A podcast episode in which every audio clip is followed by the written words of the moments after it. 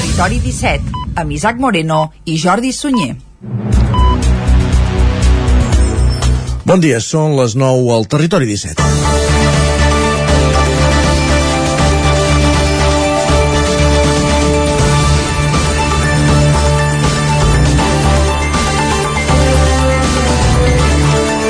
Us ho avançàvem a l'informatiu de dimecres. La Fundació Propietària de l'Escola El Roser de Sant Julià de Vilatorta ha anunciat el trencament de l'escola el proper estiu.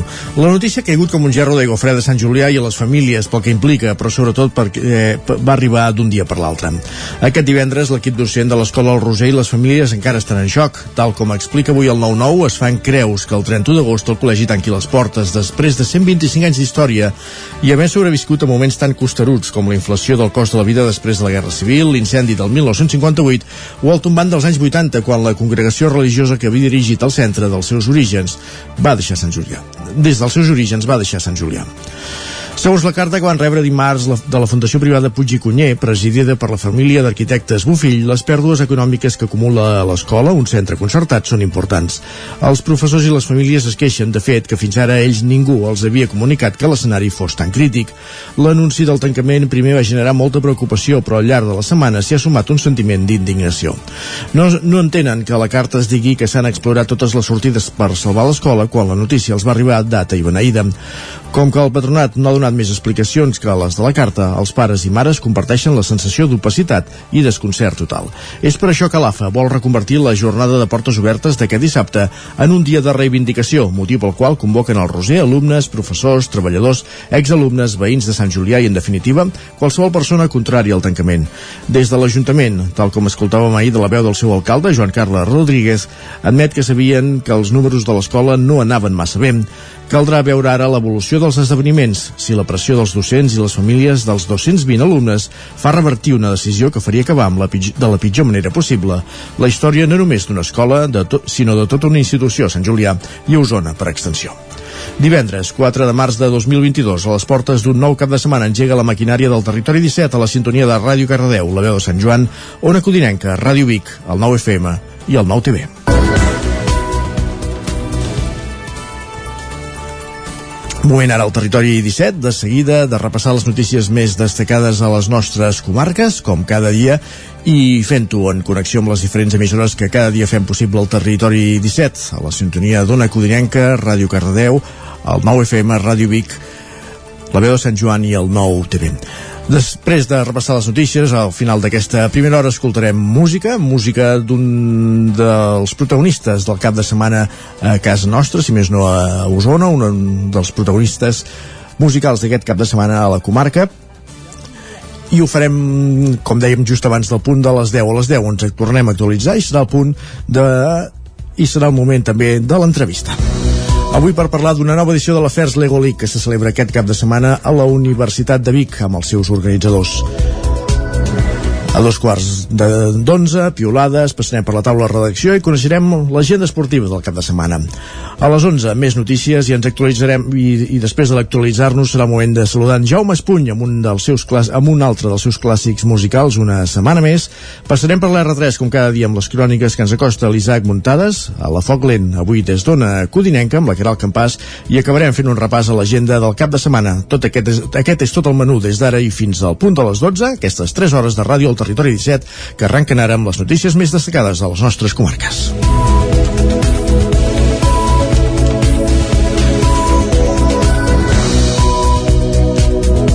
Una cinquantena de persones i una dotzena de tractors van participar ahir a la mobilització que Unió de Pagesos va convocar simultàniament a diferents punts de Catalunya. L'objectiu era denunciar públicament la crisi de preus que viu el sector agrari i la inacció dels governs català i espanyol. Clàudia Dinarès. Al costat dels cartells d'Unió de Pagesos, els tractors que ahir es van concentrar a Vic també lluïen un cartell amb els colors de la bandera d'Ucraïna on s'hi podia llegir prou a la guerra.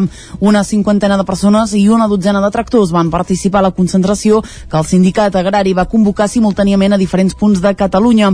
Sota el lema La pagesia diu prou, les persones concentrades van denunciar públicament l'ofec que suposa pel sector la pujada generalitzada dels costos de producció. Oriol Rovira és membre d'Unió de Pagesos a Osona. El principal motiu que som aquí suposo que és per, o és per, per l'augment que, que hem tingut aquest darrer mig any, més que tot, eh, en els costos de producció, ja sigui per uh, augment del cereal, per l'augment de, de l'electricitat, per l'augment de, de, del gasoll agrícola, llavors també estem una mica aquí també per defensar o per demanar que no se'ns afogui tant amb, amb, amb temes legislatius i amb temes de, de, de burocràcia. L'acte va començar a l'aparcament de Camp Pamplona de Vic. Des d'allà, les persones concentrades van iniciar una marxa fins al recinte firal del Sucre, on hi ha ubicada la seu dels serveis territorials del Departament d'Acció Climàtica, Alimentació i Agenda Rural a la Catalunya Central. Una altra de les peticions que van fer els manifestants és que es modifiqui el pla estratègic de la política agrària comuna, la PAC, una condició indispensable per assegurar la viabilitat i la resiliència de la pagesia professional, ho explicava Ramon Soler, coordinador comarcal d'Unió de Pagesos casos a Osona i al Lluçanès. Hi ha un altre problema que és el del relleu generacional, de el que costa que el jovent eh, es continuï implicant a continuar eh, les explotacions de, de les famílies i, i tot un etc. I, bueno, I el que demanem, evidentment, és que l'administració, avui perquè anem a la Generalitat, tots som conscients que moltes de les competències en agricultura les té l'estat espanyol, eh, que és allà on realment es couen les faves, eh, doncs que realment s'impliquin i facin el, el que han de fer. I com més, per exemple, amb el tema de la PAC, que la PAC sigui pels professionals de l'agricultura i la ramaderia, no pas en, tants, en tantes competències deslleials de gent que no són pagesos i que cobren la PAC. Les mobilitzacions del sector agrari continuaran les properes setmanes. El dia 15 de març hi ha prevista una manifestació a Madrid davant del Ministeri d'Agricultura. El dia 26 la convocatòria es traslladarà a les portes de les grans distribuïdores. Les manifestacions en defensa de la pau i en suport al poble ucraïnès de dimarts convocades per l'Associació de Municipis per la Independència han donat pas al llarg de la setmana a noves mobilitzacions arreu del territori 17. Sota el lema Construïm la pau, aturem la guerra, avui divendres a les 8 del vespre la Comissió contra la Guerra d'Osona i el Ripollès i el Lluçanès ha convocat una nova mobilització a la plaça Major de Vic. Una setmana després d'esclatar la guerra entre Rússia i Ucraïna, ja són pràcticament una cinquantena les entitats d'Osona i del Ripollès que han signat signat un manifest en solidaritat als pobles d'Ucraïna i del Donbass. En el redactat denuncien la guerra com a mitjà de resolució de conflictes i es posicionen en contra l'aliança militar de l'OTAN. Citen textualment que la dinàmica de blocs militars no ajuda a construir seguretat, sinó que és una font de recel i malfiança que suposa un greu obstacle per la pau. Entre les entitats que signen el manifest hi ha la Unitat contra el Feixisme i el Racisme d'Osona i el Ripollès, les delegacions d'Òmnium Cultural a Osona i al Ripollès Ripollès, el Centre Islàmic de Vic i l'ONG Osona amb els nens. La plataforma 8M Ripollès convoca una manifestació a Ripoll que començarà davant del jutjat amb una acció sorpresa. Això serà el 8 de març, Isaac Muntades des de la veu de Sant Joan. Fa uns dos mesos que la plataforma 8M Ripollès treballa per preparar les activitats centrals que es duran a terme a la comarca durant aquest pròxim dimarts, coincidint amb el Dia Internacional de la Dona. Sota el lema Molt per defensar, molt per avançar, feminisme i avui i sempre, aquest dimarts es faran diverses activitats, com per exemple un dinar de pa i porta a dos quarts de tres de la tarda, una manifestació que començarà a dos quarts de set davant del jutjat de Ripoll i que acabarà amb una concentració a la plaça de l'Ajuntament dues hores després. Laura Rodríguez, de la plataforma 8M Ripollès, va detallar que tenen prevista alguna sorpresa i que durant el recorregut de la manifestació s'aturaran a llocs que volen assenyalar com a culpables de la precarietat de les dones com el jutjat o els sindicats. També es llegirà un manifest que parlarà de la derogació de la reforma laboral, la llei d'estrangeria, uns salaris i pensions dignes, uns sistemes educatius i de sanitat de qualitat, d'aturar la violència obstètrica i de l'assassinat que es va produir a Ripoll el 31 d'octubre de l'any passat. Rodríguez insistia en la necessitat de seguir prenent els carrers cada 8 de març. En primer lloc, perquè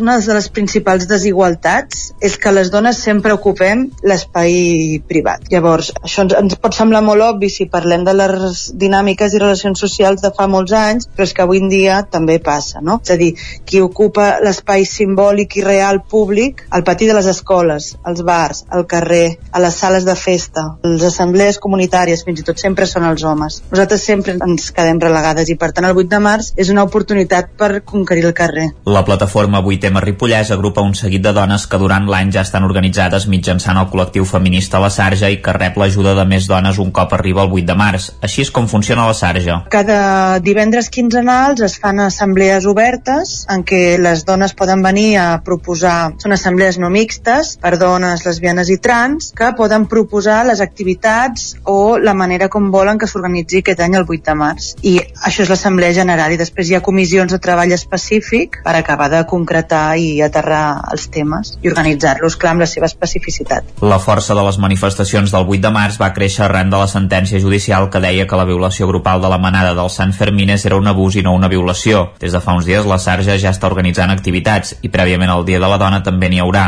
Per exemple, aquest dissabte hi haurà activitat tot el matí a la plaça de la Lira, que començarà a dos quarts d'onze amb un cercle de salut per a dones, lesbianes i trans, un taller que serà impartit per una llevadora del CAP. Tot seguit hi haurà una assessoria col·lectiva de defensa laboral i problemes comuns de les dones. També posaran paradet al mercat per vendre marxandatge. Caldes de Montbui, anem ara cap al Vallès Oriental, organitza aquest dissabte l'acte Obrim el cel. Serà la primera jornada d'acció climàtica al poble per tal de promoure la instal·lació de plaques fotovoltaiques. Caral Campàs, des d'Ona Codinenca.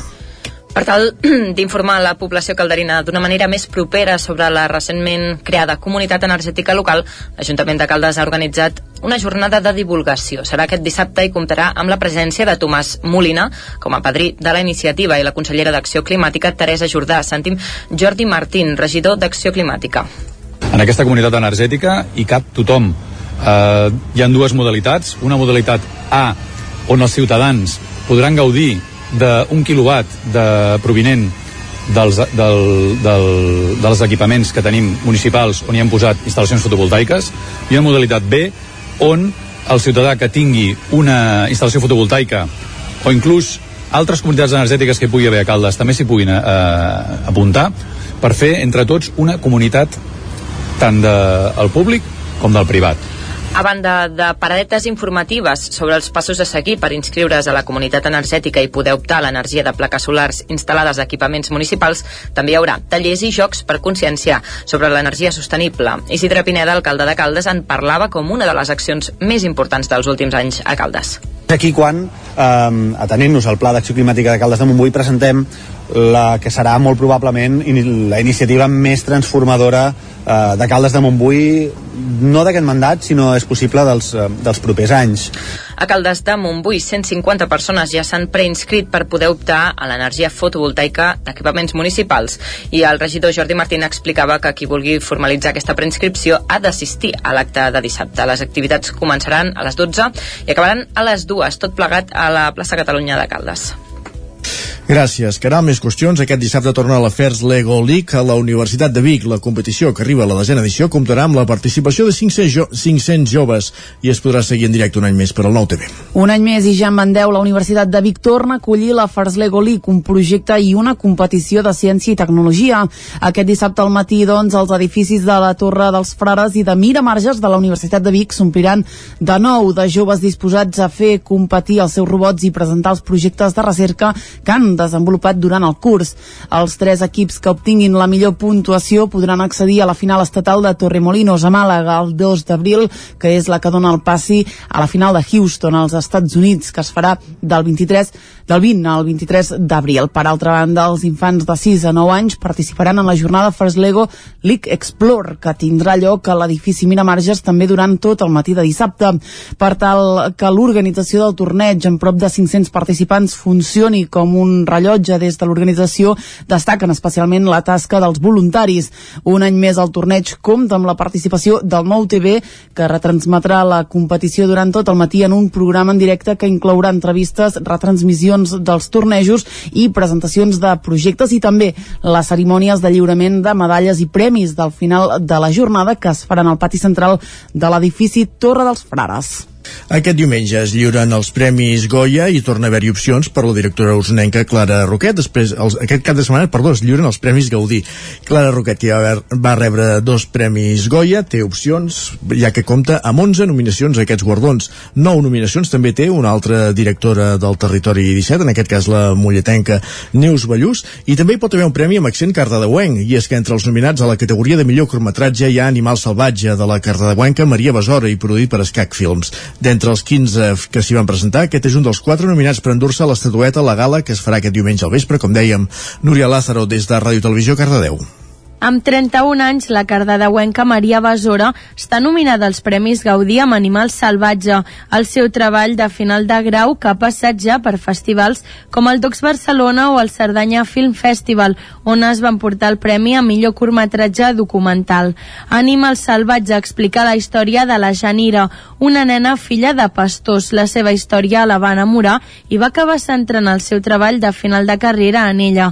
Des de l'ESCAC han ajudat a fer la distribució distribució del curtmetratge, fins al punt d'arribar a ser semifinalistes a l'Acadèmia de Hollywood als Oscars universitaris i ara aquest diumenge nominada als Premis Gaudí. Maria Besora, directora d'Animal Salvatge. I bueno, sempre té alguna de sorpresa això, no, no saps com caurà un curt, no? Si, si tindrà bona rebuda o no, tu pots estar més content o menys amb el treball que has fet, però a vegades t'endús sorpreses. També era el primer, no?, gran curt que, que, que tenia una mica de, de, bueno, de possibilitats i, i pam, llavors vam, vam flipar bastant, la veritat. La Maria ha estat la directora del curtmetratge i també la muntadora. Més d'un any d'edició per un curtmetratge que segurament tindrà una segona part centrada en la vida de la Judit, la mare de la protagonista d'Animal Salvatge. Doncs Animal Salvatge, que opta aquest Premi Godí, i recordem-ho, Libertat de Clara Roquet, 11 nominacions, i 6, de 6 dies corrents de Neus Ballús, 9 nominacions més. En obrim ara la pàgina esportiva. Esports. Per explicar que el Manlleu de Futbol ha renovat la Junta Directiva i també la presidència. El nou president és Xavier Carandell, que agafa el relleu d'Eduard Marginet al capdavant del club. Carandell defineix la nova Junta integrada per 17 persones com un grup transversal amb membres que ja ho havien estat de juntes anteriors, com és el seu cas, i també noves incorporacions. Sentim a Xavier Carandell explicant com va prendre la decisió de fer el pas per presidir el club. Feia molts anys que estava a la Junta, mm, tinc eh, 48 anys, en tenia no sé, 24 o 25 que ja estava per aquí a les Juntes en diferents etapes. Tinc un fill també que juga aquí tinc molt sentiment de Manlleu, del Manlleu i fa molts anys que sóc soci i ha estat una mica el detonant de, de fer el pas la nova Junta es divideix en cinc àrees, entre les quals el primer equip, el futbol base o la part econòmica. Les eleccions de l'agrupació esportiva i cultural de Manlleu estan previstes al novembre. Si no s'hi presenta cap més llista, Carandell i la nova Junta continuaran al capdavant del club. Expliquen que la línia que adoptaran serà continuista amb la voluntat de potenciar el futbol base i recuperar el femení. Xavier Carandell futbol base continuar més o menys com ho tenim, intentar tornar a ser el referent a la comarca futbol base, primer equip ho tenim bé, si es pot aconseguir l'ascens perfecte, si no es tornarà a intentar intentar buscar recursos perquè es pugui fer així. Puguem tornar a fer un futbol femení que també vam ser dels pioners a la comarca doncs tornem a, a tenir futbol femení si, si tot va bé de cara a la temporada que ve. Pel que fa al primer equip, el Manlleu és ara segon del grup 2 de primera catalana amb 36 punts, 5 menys que el líder, el Tona.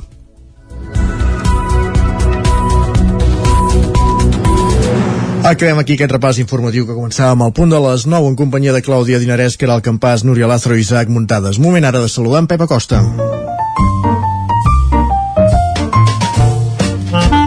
Casa Terradellos us ofereix el temps. I ja sabeu que en Pep el saludem perquè ens acosti la previsió meteorològica avui també pel cap de setmana. Bon dia, Pep. Hola, molt bon dia. Com estem? Ja estem a les portes del primer cap de setmana de març. Uh, jo sempre dic que primavera per mi és març, abril i maig. Uh, per tant, gairebé segur que per mi és el primer cap de setmana de primavera. I el titular seria, pel que fa al temps, és que pel que fa a les temperatures aquest cap de setmana tornarem a l'hivern. I m'explico. Jo em pensava que ahir hi hauria alguna precipitació eh, al final molt poca cosa eh, la veritat és que els fronts que ens han creuat eh, jo pensava que serien més pluja al final n'estan deixant molt poca pluja molt modesta i no m'agrada gens, eh? No m'agrada gens com s'està posant perquè no es preveu molta, molta puja. Però anem a pams, anem a pams. Ens llevem avui amb les temperatures més altes. Les temperatures han pujat a la majoria de poblacions i només han baixat una mica, comencen a baixar a molt alta muntanya. I és que comença a allà el descens de temperatura, eh, entren vents de nord i per tant allà avui començarà a baixar temperatura, només a glaçar en aquestes zones, eh? a molt alta muntanya cap a la zona del Pirineu. Forces eh, forces núvols ara mateix, ha forces núvols, i mica en mica n'hi haurà menys. Eh, I l'única precipitació d'avui és que no s'escarta alguna gota a la tarda, alguna gotellada cap a la zona del Montseny. Poca cosa. I les temperatures avui encara bastant suaus. No seran molt baixes ni molt menys. Eh? La majoria màximes entre els 14 i 18 graus. Eh? Uh, avui queda clar, eh? Avui, temperatures encara estables, pot ser alguna precipitació a la tarda cap a zona del, del Montseny i vents febles. Només començar a baixar la temperatura a molt alta muntanya. De cara a demà, dia insegur, núvols, clarianes i sobretot alguna precipitació cap a la zona Montseny i les Guilleries. Aquesta zona és on més pot ploure. Demà les temperatures, sobretot les màximes, començaran a baixar. Màximes que si avui són entre els 14 i els 18 graus, demà es quedaran entre els 7 i els 11, més o menys. Per tant, ja veieu que serà un descens pronunciat de la temperatura màxima. I de cada diumenge, la mateixa situació, però les pluges afectaran sobretot cap a la zona prelitoral i sobretot a primera hora del matí. De cara a la tarda, les precipitacions ja desapareixeran. Però a primera hora del matí encara és possible aquestes precipitacions perdó, cap a la zona del prelitoral. Les temperatures de diumenge molt semblants a les de dissabte, és a dir, que farà força fred, sobretot les màximes, eh? repeteixo, les temperatures màximes força, força eh, baixes i precipitacions cap al prelitoral. Eh, resumint, avui divendres, cada vegada més clarianes, temperatures encara suaus, dissabte, precipitacions, sobretot cap a la zona de les Guilleries i el Montseny, i les temperatures comencen a baixar, i diumenge, precipitacions a primera hora a la zona del prelitoral i les temperatures baixes. Uh, val a dir que la, la, la quantitat de precipitació acumulada no serà molt important. Malauradament, jo crec que no passarem dels 10-15 litres. Llàstima, eh, perquè podia haver-hi més, més precipitació, però no, no, no, no passarà, jo crec, d'aquests 10-15 litres. Per tant, poca cosa. La cota neu, si és que arriba a nevar, eh, estarà al voltant dels 1.107 metres. Per tant, una cosa de neu bastant baixa al cap de setmana. Vents de nord, que bufaran una mica moderats, cap a les zones més altes de les nostres muntanyes. I això és tot. Adeu. Adeu, Pep. Gràcies. Parlem més tard. Arribats a aquest punt, el que fem és anar cap al quiosc a repassar les portades dels diaris del dia. Casa Tarradellas us ha ofert aquest espai. Doncs vinga, anem, com dèiem, cap al quiosc i Clàudia Dinarès, bon dia de nou. Explica'ns què diuen avui els diaris, començant com a bon divendres per les dues edicions del 9-9. Molt bon dia de nou, doncs sí, comencem amb l'edició d'Osona i del Ripollès, que diu indignació per l'anunci sobtat que tanca l'escola El Roser de Sant Julià. Els pares i mares van ser informats aquest dimarts que hauran de buscar centre pel curs vinent. Hi ha uns 220 alumnes alumnes afectats. Altres titulars, Mollà ampliarà la comissaria dels Mossos i duplicarà els agents per donar servei les 24 hores i onada solidària amb Ucraïna. També veiem una imatge de les tracturades a Vicky i Ripoll per reclamar preus justos al sector agrari. Anem a l'edició del Vallès Oriental que diu allau solidària amb les víctimes de la guerra a Ucraïna. El Vallès Oriental es mobilitza per acollir refugiats i fa concentracions a les places contra l'atac militar rus. A la imatge, candidats a Vallèsà de l'any 2021. I un últim titular, el Mercat de Canovelles recupera les parades als carrers de la trama urbana aquest mateix diumenge. Molt bé, doncs ja hi ha els candidats, com deies, de, del Premi Vallèsà de l'any 2021. Surten avui al portal del 9-9. Anem a repassar portades d'àmbit nacional. Què diu el, el punt avui? Exacte, comencem amb el punt avui que diu milió de refugiats. La guerra d'Ucraïna genera un èxode sense precedents a Europa. Les tropes russes continuen avançant, sobretot al sud i al front d'Odessa. Alto al foc per evacuar ferits i civils. I un altre dels titulars del dia és que tanca un Mobile World Congress d'èxit que ha alleugerit la crisi hotelera. Anem al diari Ara que diu la Unió Europea acorda oferir protecció automàtica als refugiats ucraïnesos. La mesura tindrà una vigència d'un any prorrogable i permetrà als immigrants amb nacionalitat ucraïnesa tenir permís de treball i també de residència. A la imatge, un milió de desplaçats en una setmana.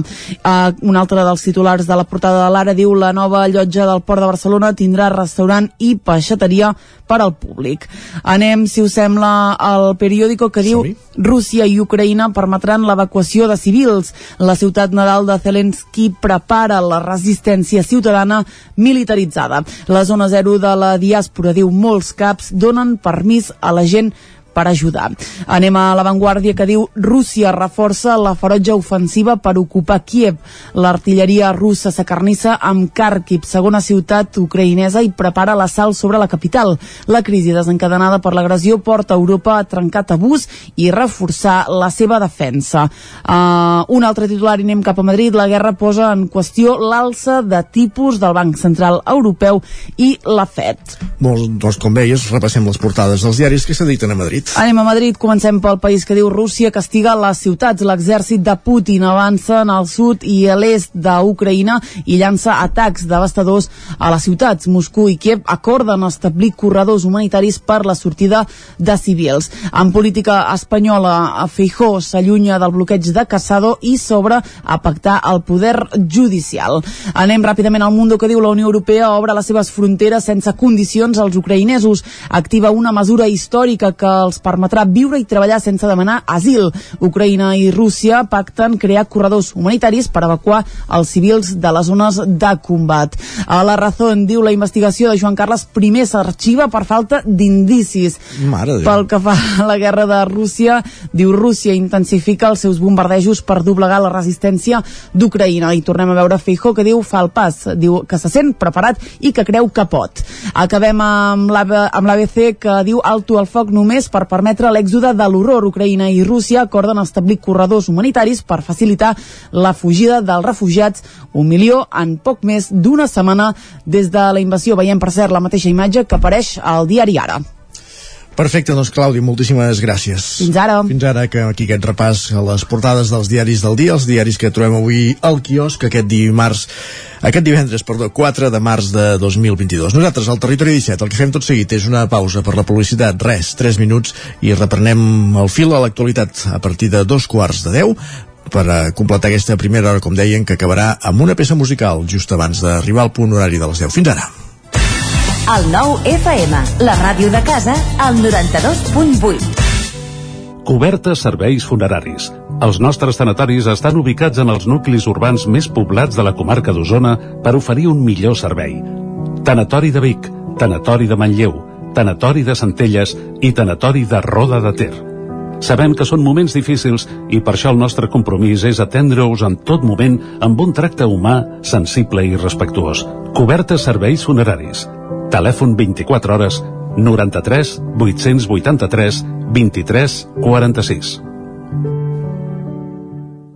Això és el que s'escolta al voltant d'una caldera saunia d'Oval. Tranquilitat i benestar, perquè gaudeix del millor manteniment del servei tècnic oficial per estar despreocupat. O el que vulgui. Informis a Oficiat Nord trucant al 938860040. Saunia d'Oval, sempre al seu costat. Rètols 2A. Experts en comunicació visual. Rètols, banderoles, vinils, impressió, plaques gravades, senyalització, display... Rètols Dos Art. Ja són 25 anys al vostre servei. Ens trobareu a la carretera de Vic a Olot, número 7, al polígon Malloles de Vic. dosartvic.com Telèfon 93 889 2588. El Racó de León ja és primavera. Gaudeix de la nostra terrassa. Vine a tastar les xuletilles de lechal a la brasa amb una bona amanida o el xuletón de vedella gallega. No et pots perdre el nostre lechado de Castilla al forn o el cochinillo a l'estil de Segovia. Tot acompanyat del millor celler, al menjador o fora la terrassa. Descobreix la millor cuina de Lleó sense moure't de casa. Vine amb la família, els amics, la parella o sol. T'encantarà. El racó de León, cuina tradicional lleonesa i de mercat. Som al carrer Torelló número 35 de Vic. Per reserves, telèfon 93 889 1950. El racó de León, una cuina diferent. Al restaurant Xavito Gastro de Vic hi trobaràs una cuina mediterrània i de mercat amb gran varietat de plats, amb arrossos, carn o peix fresc de la llotja cada dia. Vine a dinar de dimarts a divendres i prova el nostre menú diari per només 15 euros o a les nits de dijous a diumenge tastar el nostre menú degustació amb arrossos i tapes per 25 euros. Restaurant Xamito Gastro. Ens trobaràs al carrer Callnou número 9 de Vic i al telèfon 93 094 1172 o al 747 42 92 58. Anuncia't al 9FM. La màquina de casa. 9 3 8 8 9 4 9 4 9 Publicitat arroba al 9FM.cat. Anuncia't al 9FM. La publicitat més eficaç. El 9FM. El 9FM. El 9FM. El 9FM. En punt ara mateix dos quarts de deu al Territori 17. Territori 17, amb Isaac Moreno i Jordi Sunyer.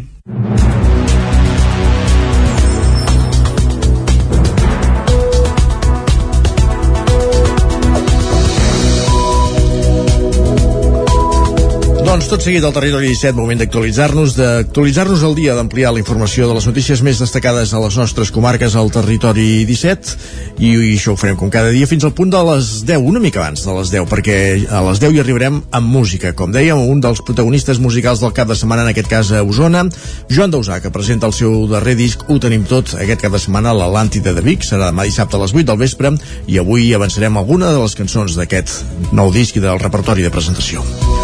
A les 10, més informació i a un quart d'onze arribarà el punt de l'entrevista, avui per parlar amb els responsables de l'Afers Lego League, que acull la Universitat de Vic aquest cap de setmana per desè any consecutiu. En parlarem, com dèiem, a l'espai de l'entrevista i a dos quarts d'11 serà el moment de saludar en Guillem Sánchez, un dia més repassant el més destacat eh, que ha trobat a Twitter. Passarem per la taula de redacció i tot seguit farem un repàs a l'agenda esportiva dels equips del Territori 17, equips i esportistes del Territori 17 aquest cap de setmana en connexió amb les diferents emissores que fan possible cada dia aquest programa a les 11. Més notícies, ens tornem a actualitzar i a un quart de 12 arribarà en Jaume Espuny amb un altre dels seus clàssics musicals. D'aquí una estona descobrirem quin. Pausa publicitària abans de passar per l'R3. Això serà a dos quarts de dotze, a la recta final del programa, amb l'Isaac Muntades des de la veu de Sant Joan, oferint-nos una nova crònica dels usuaris dels oferts usuaris de la línia de tren Barcelona-Vic-Puigcerdà. Passarem per la Foc Lent, descobrint noves propostes gastronòmiques avui des d'Ona Codinenca amb la Cabral, Campàs, i acabarem repassant l'agenda del cap de setmana també en connexió amb les diferents emissores del territori 17. Tot això ja ho sabeu des d'ara i fins les 12. Aquest és el menú del dia d'aquest matí de divendres 4 de març i com dèiem ara és moment d'actualitzar-nos, de repassar les notícies més destacades de casa nostra fins una mica abans del punt de les 10 quan, quan acabarem l'hora amb música. Una cinquantena de persones i una dotzena de tractors van participar ahir a la mobilització que Unió de Pagesos va convocar simultàniament a diferents punts de Catalunya. L'objectiu era denunciar públicament la crisi de preus que viu el sector agrari i la inacció dels governs català i espanyol. Clàudia Dinarès. Al costat dels cartells d'Unió de Pagesos, els tractors que ahir es van concentrar a Vic també lluïen un cartell amb els colors de la bandera d'Ucraïna on s'hi podia llegir prou a la guerra. Una cinquantena de persones i una dotzena de tractors van participar a la concentració que el sindicat agrari va convocar simultàniament a diferents punts de Catalunya.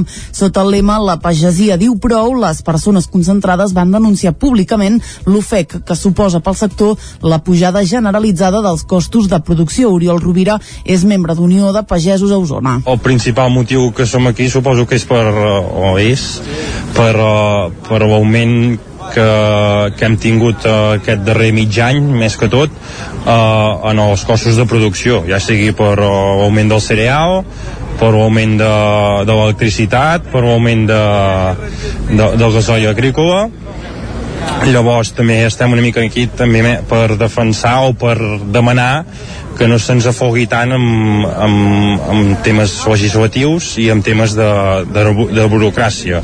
L'acte va començar a l'aparcament de Camp Pamplona de Vic. Des d'allà, les persones concentrades van iniciar una marxa fins al recinte firal del Sucre, on hi ha ubicada la seu dels serveis territorials del Departament d'Acció Climàtica, Alimentació i Agenda Rural a la Catalunya Central. Una altra de les peticions que van fer els manifestants és que es modifiqui el pla estratègic de la política agrària comuna, la PAC, una condició indispensable per assegurar la viabilitat i la resiliència de la pagesia professional, ho explicava Ramon Soler, coordinador comarcal d'Unió de Pagesos a Osona i al Lluçanès. Hi ha un altre problema que és el del relleu generacional, de el que costa que el jovent eh, es continuï implicant a continuar eh, les explotacions de, de les famílies i, i tot un etc. I, bueno, I el que demanem, evidentment, és que l'administració, avui perquè anem a la Generalitat, tots som conscients que moltes de les competències en agricultura les té l'estat espanyol, eh, que és allà on realment es couen les faves, eh, doncs que realment s'impliquin i facin el, el que han de fer. I com més, per exemple, amb el tema de la PAC, que la PAC sigui pels professionals de l'agricultura i la ramaderia, no pas en, tants, en tantes competències deslleials de gent que no són pagesos i que cobren la PAC. Les mobilitzacions del sector agrari continuaran les properes setmanes. El dia 15 de març hi ha prevista una manifestació a Madrid davant del Ministeri d'Agricultura. El dia 26 la convocatòria es traslladarà a les portes de les grans distribuïdores.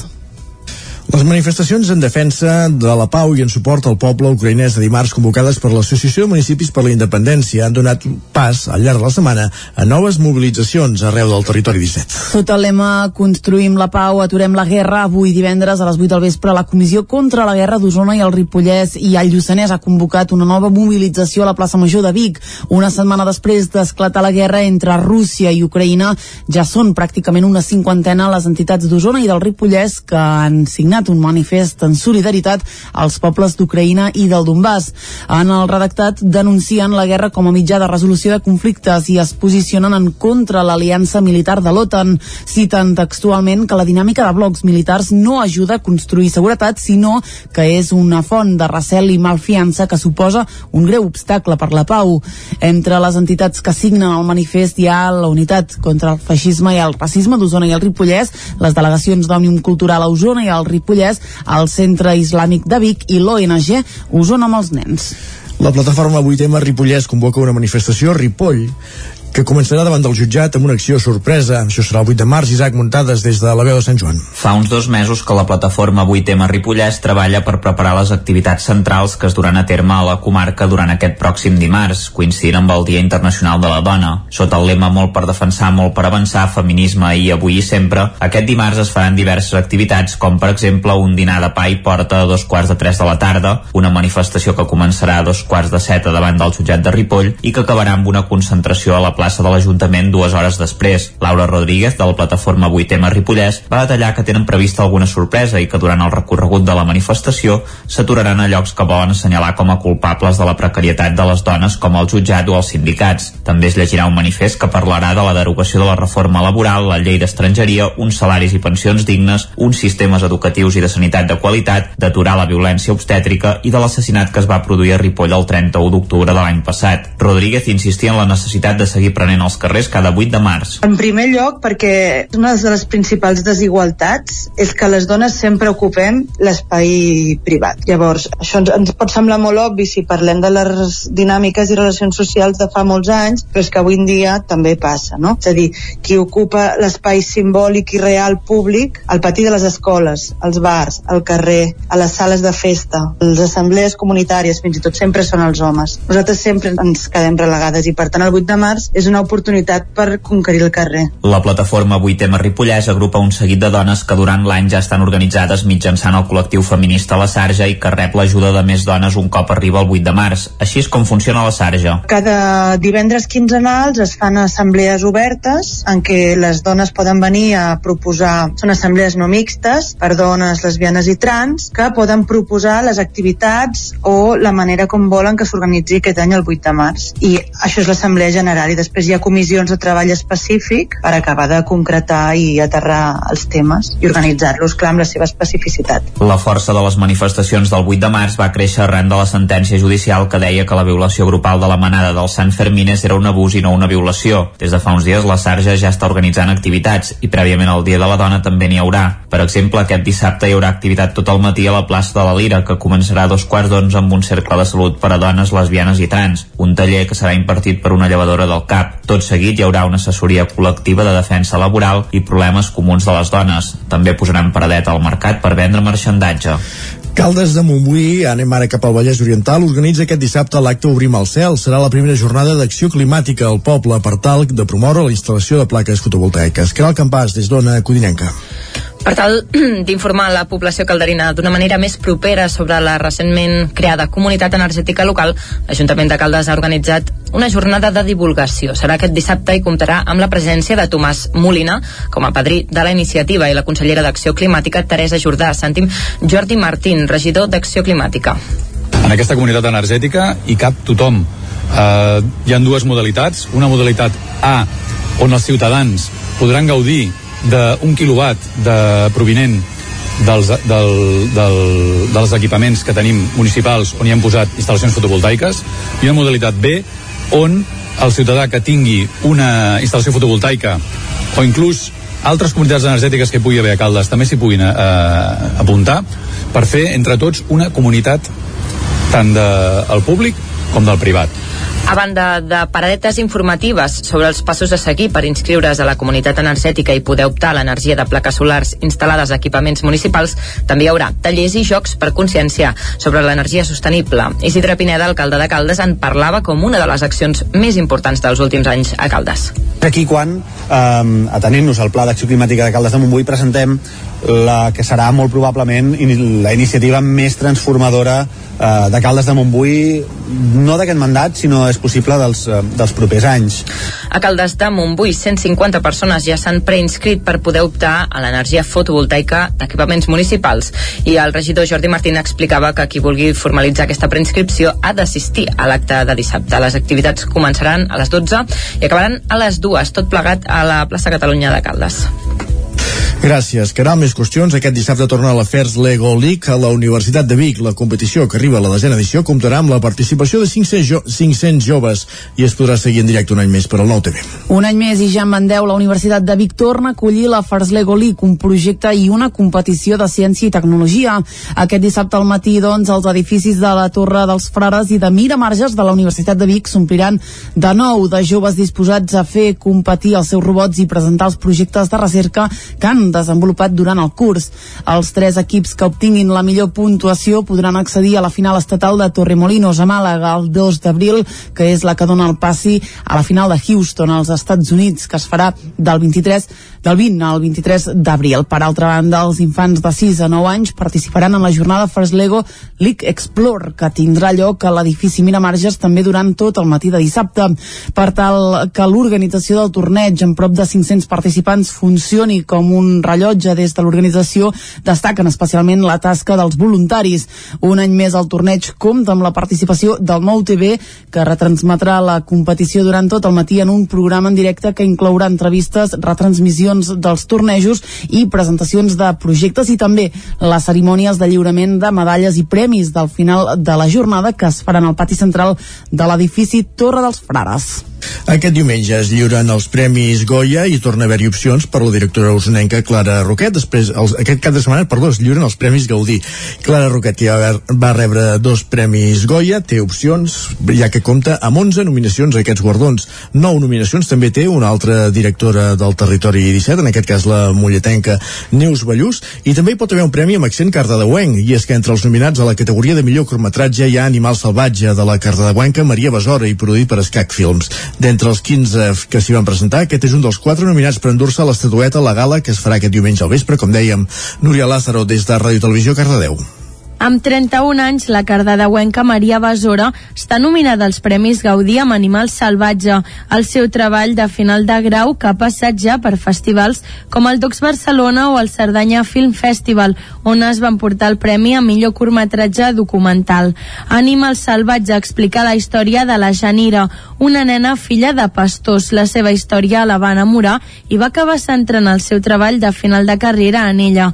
Des de l'ESCAC han ajudat a fer la distribució del curtmetratge fins al punt d'arribar a ser semifinalistes a l'Acadèmia de Hollywood als Oscars universitaris i ara aquest diumenge nominada als Premis Gaudí. Maria Besora, directora d'Animal Salvatge. I bueno, sempre té alguna de sorpresa això, no, no saps com caurà un curt, no? Si, si tindrà bona rebuda o no, tu pots estar més content o menys amb el treball que has fet, però a vegades t'endús sorpreses. També era el primer, no?, gran curt que, que, que tenia una mica de, de, bueno, de possibilitats i, i pam, llavors vam, vam flipar bastant, la veritat. La Maria ha estat la directora del curtmetratge i també la muntadora.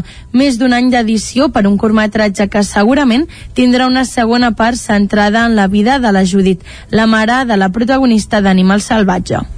Doncs Animal Salvatge, que opta aquest Premi Godí, i recordem-ho, Libertat de Clara Roquet, 11 nominacions, i 6, de corre 6 dies corrents de Neus Ballús, 9 nominacions més. En obrim ara la pàgina esportiva.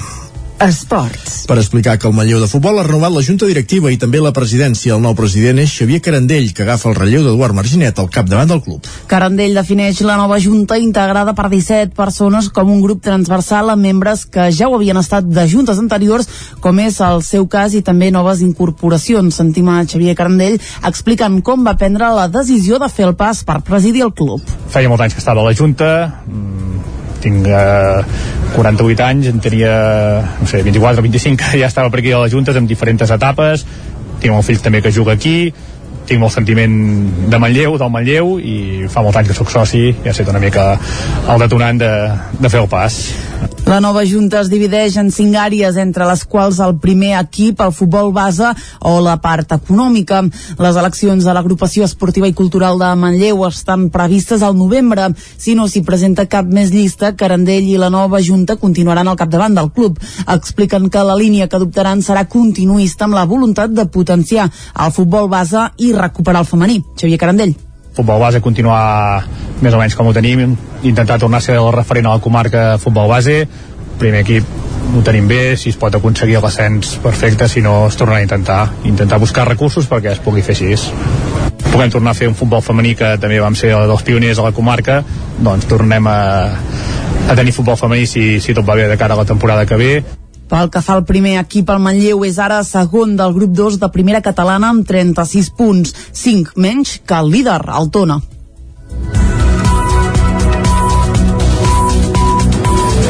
Acabem aquí aquest repàs informatiu que començàvem al punt de les 9 en companyia de Clàudia Dinarès, que era el campàs, Núria Lázaro i Isaac Muntades. Moment ara de saludar en Pep Acosta.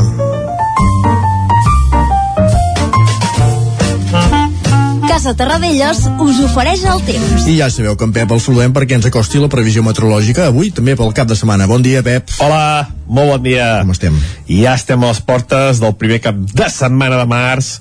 Uh, jo sempre dic que primavera per mi és març, abril i maig.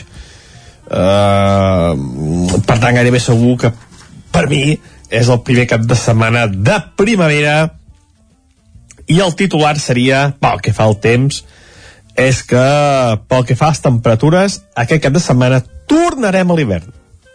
I m'explico. Jo em pensava que ahir hi hauria alguna precipitació eh, al final molt poca cosa. Eh, la veritat és que els fronts que ens han creuat eh, eh jo pensava que deixarien més pluja al final n'estan deixant molt poca pluja molt modesta i no m'agrada gens, eh? no m'agrada gens com s'està posant perquè no es preveu molta, molta puja. Però anem a pams, anem a pams.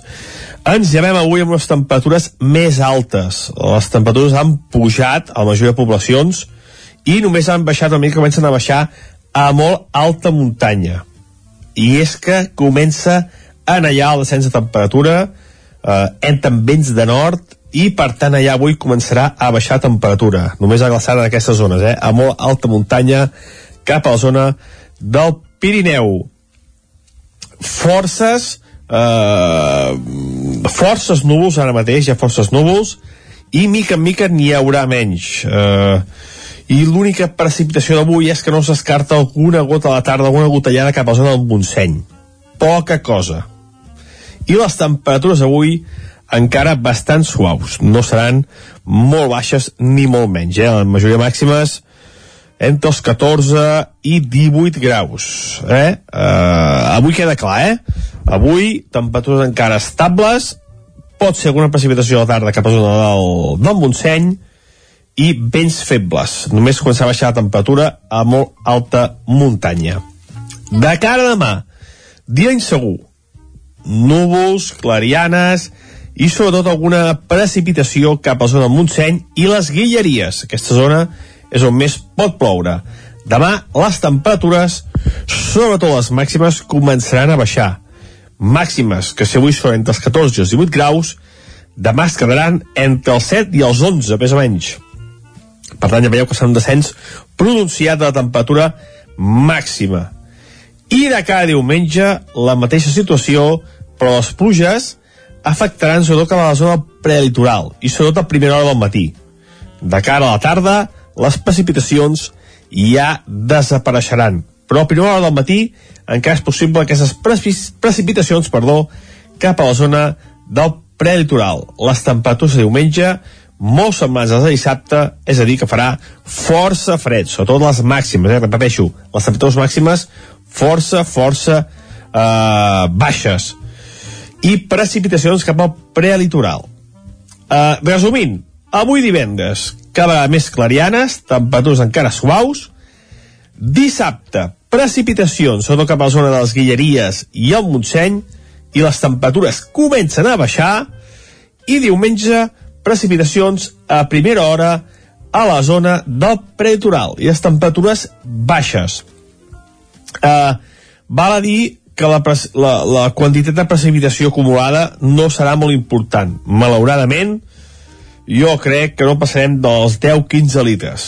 Mm, llàstima, eh, perquè podia haver-hi més, més precipitació, però no, no, no, no passarà, jo crec, d'aquests 10-15 litres. Per tant, poca cosa. La cota neu, si és que arriba a nevar, eh, estarà al voltant dels 1.100 metres. Per tant, una cosa de neu bastant baixa al cap de setmana. Vents de nord, que bufaran una mica moderats, cap a les zones més altes de les nostres muntanyes. I això és tot. Adeu. Adeu, Pep. Gràcies. Parlem més tard. Arribats a aquest punt, el que fem és anar cap al quiosc a repassar les portades dels diaris del dia. Casa Tarradellas us ha ofert aquest espai. Doncs vinga, anem, com dèiem, cap al quiosc i Clàudia Dinarès, bon dia de nou. Explica'ns què diuen avui els diaris, començant com a bon divendres per les dues edicions del 9-9. Molt bon dia de nou, doncs sí, comencem amb l'edició d'Osona i del Ripollès, que diu indignació per l'anunci sobtat que tanca l'escola El Roser de Sant Julià. Els pares i mares van ser informats aquest dimarts que hauran de buscar centre pel curs vinent. Hi ha uns 220 alumnes, alumnes afectats. Altres titulars, Mollà ampliarà la comissaria dels Mossos i duplicarà els agents per donar servei les 24 hores i onada solidària amb Ucraïna. També veiem una imatge de les tracturades a Vic i Ripoll per reclamar preus justos al sector agrari. Anem a l'edició del Vallès Oriental que diu allau solidària amb les víctimes de la guerra a Ucraïna. El Vallès Oriental es mobilitza per acollir refugiats i fa concentracions a les places contra l'atac militar rus. A la imatge, candidats a Vallèsà de l'any 2021. I un últim titular, el Mercat de Canovelles recupera les parades als carrers de la trama urbana aquest mateix diumenge. Molt bé, doncs ja hi ha els candidats, com deies, de, del Premi Vallèsà de l'any 2021. Surten avui al portal del 9-9. Anem a repassar portades d'àmbit nacional. Què diu el, el punt avui? Exacte, comencem amb el punt avui que diu milió de refugiats. La guerra d'Ucraïna genera un èxode sense precedents a Europa. Les tropes russes continuen avançant, sobretot al sud i al front d'Odessa. Alto al foc per evacuar ferits i civils. I un altre dels titulars del dia és que tanca un Mobile World Congress d'èxit que ha alleugerit la crisi hotelera. Anem al diari Ara que diu la Unió Europea acorda oferir protecció automàtica als refugiats ucraïnesos. La mesura tindrà una vigència d'un any prorrogable i permetrà als immigrants amb nacionalitat ucraïnesa tenir permís de treball i també de residència. A la imatge, un milió de desplaçats en una setmana. Un altre dels titulars de la portada de l'Ara diu la nova llotja del Port de Barcelona tindrà restaurant i peixateria per al públic. Anem, si us sembla, al periòdico que diu Rússia i Ucraïna permetran l'evacuació de civils. La ciutat nadal de Zelensky prepara la resistència ciutadana militaritzada. La zona zero de la diàspora diu molts caps donen permís a la gent per ajudar. Anem a l'avantguàrdia que diu Rússia reforça la ferotge ofensiva per ocupar Kiev. L'artilleria russa s'acarnissa amb Kharkiv, segona ciutat ucraïnesa, i prepara l'assalt sobre la capital. La crisi desencadenada per l'agressió porta Europa a trencar tabús i reforçar la seva defensa. Uh, un altre titular i anem cap a Madrid. La guerra posa en qüestió l'alça de tipus del Banc Central Europeu i la FED. Molt, doncs, com veies, repassem les portades dels diaris que s'editen a Madrid. Anem a Madrid, comencem pel país que diu Rússia castiga les ciutats. L'exèrcit de Putin avança en el sud i a l'est d'Ucraïna i llança atacs devastadors a les ciutats. Moscou i Kiev acorden establir corredors humanitaris per la sortida de civils. En política espanyola, Feijó s'allunya del bloqueig de Casado i s'obre a pactar el poder judicial. Anem ràpidament al Mundo que diu la Unió Europea obre les seves fronteres sense condicions als ucraïnesos. Activa una mesura històrica que els permetrà viure i treballar sense demanar asil. Ucraïna i Rússia pacten crear corredors humanitaris per evacuar els civils de les zones de combat. A la Razón diu la investigació de Joan Carles I s'arxiva per falta d'indicis. Pel que fa a la guerra de Rússia, diu Rússia intensifica els seus bombardejos per doblegar la resistència d'Ucraïna. I tornem a veure Feijó que diu fa el pas, diu que se sent preparat i que creu que pot. Acabem amb l'ABC que diu alto el foc només per permetre l'èxode de l'horror. Ucraïna i Rússia acorden establir corredors humanitaris per facilitar la fugida dels refugiats, un milió en poc més d'una setmana des de la invasió. Veiem, per cert, la mateixa imatge que apareix al diari Ara. Doncs repassades les portades, gràcies Clàudia Dinarès i el que fem tot seguit al Territori 17, ja ho sabeu, aquesta hora sempre és endolcir una mica amb música. La música protagonista, per exemple, també en aquesta passada nit, en la gala de lliurament dels Premis Enderroc, en què una de les bandes triomfadores de la nit han set els usnencs Oques Grasses, amb tres guardons de votació popular. Com dèiem, una gala dels Premis Enderroc que se celebrava ahir a la nit al Teatre Auditori de, de Girona. I amb els Oques Grasses, com dèiem, com un dels protagonistes, com dèiem, amb aquests tres premis. Però no escoltarem les Oques Gràcies avui al Territori 17 per acabar aquesta primera hora. Avui ens quedarem amb la música de Joan Dausà, el cantautor de Sant Feliu de Llobregat, que està de gira de presentació del seu darrer treball discogràfic, ho tenim tot. De fet, fa unes setmanes va ser a l'Auditori de Granollers i també ens en van fer ressò. Aquest cap de setmana actua a l'Atlàntida de Vic, en un concert que començarà demà dissabte a les 8 del vespre i del qual bona part de les entrades estan venudes. Eh, Dausà, com dèiem, està en la gira de presentació d'aquest seu de nou treball discogràfic que porta per títol. Ho tenim tot. I el que farem ara és escoltar una de les cançons que que més s'han reproduït d'aquest disc eh, des que va sortir, que és de fet la, és la cançó que obre el treball, que és La vida és més que això, que fins i tot la va interpretar conjuntament amb Lluís Llach en el concert que van fer al Palau Sant Jordi en la presentació de, de la nova campanya que, que presentava Lluís Llach del Moviment Democràtic eh, en aquell concert que es va fer al Sant Jordi amb diferents formacions i entre les quals, com dèiem, hi havia Joan Dausà interpretant al costat del cantautor de Verges aquesta cançó que comencem a escoltar ja de seguida aquí al Territori 17. La vida és més que això, una de les cançons d'Ho tenim tot de Joan Dausà aquest cap de setmana, dissabte a les 8 del vespre a l'Atlàntida de Vic. Això és la vida ja no sé. Si m'estimo més ser ocell I deixar-me endur pel vent. O ser un cuc que no entén res I surt a veure el sol Quan la pluja s'esvaeix.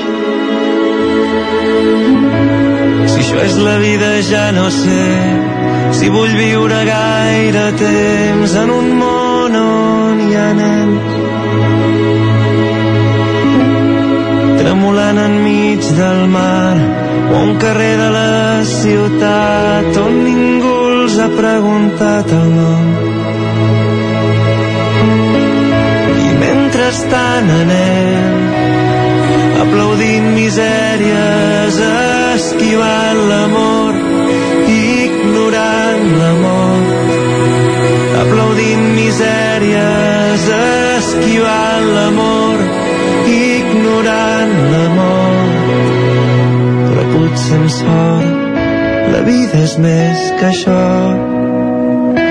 Tant de bo la vida voli més que el cor.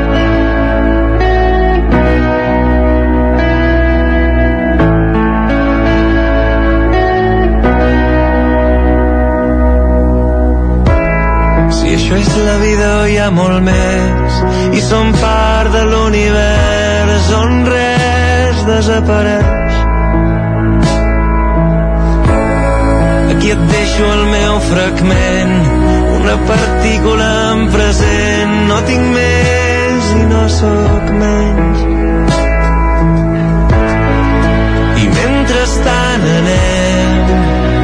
aplaudint misèries esquivant l'amor ignorant l'amor.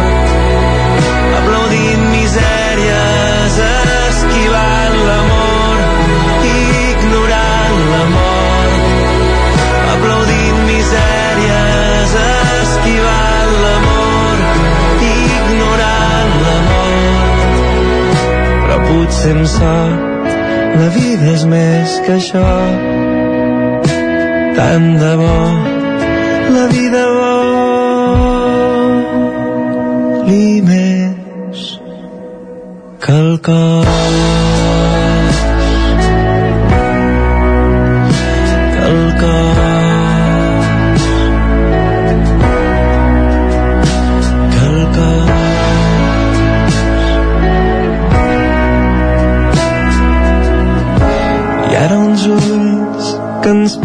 porten lluny i ara uns ulls que ens porten lluny Jordi Sunyer.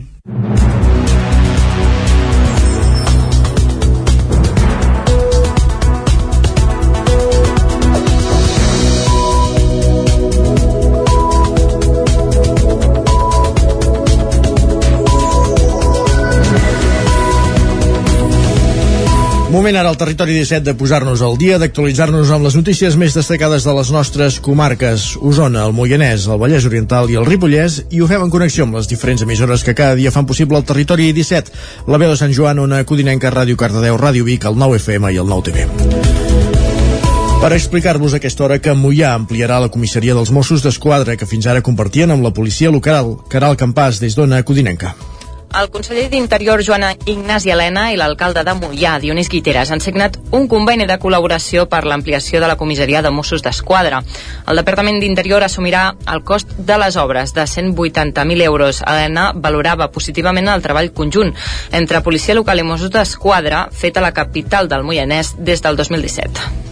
Aquest treball conjunt eh, hem detectat que allà on s'ha fet que en el seu dia es va fer per, per obligació, el fet d'haver, per fa manca de mitjans, doncs haver de, de, de trebar les dos, els dos cossos per poder prestar un servei positiu, s'ha demostrat que és la millor manera de treballar, és a dir, la col·laboració de Mossos d'Esquadra i policies locals. De fet, en aquest sentit, doncs, de necessitat amb el fer virtut, un cop acabada aquesta ampliació, el Moianès podrà disposar de més efectius de Mossos d'Esquadra, passant d'11 agents a 22 i aconseguirà un servei policial de 24 hores al dia. Sentim també el conseller d'Interior, Joan Ignasi Helena que a partir que finalitzin les obres, a la primera part de l'any 2000, 2023, hi haurà un servei de Mossos d'Esquadra 7 dies a la setmana, 24 hores, 365 dies a l'any.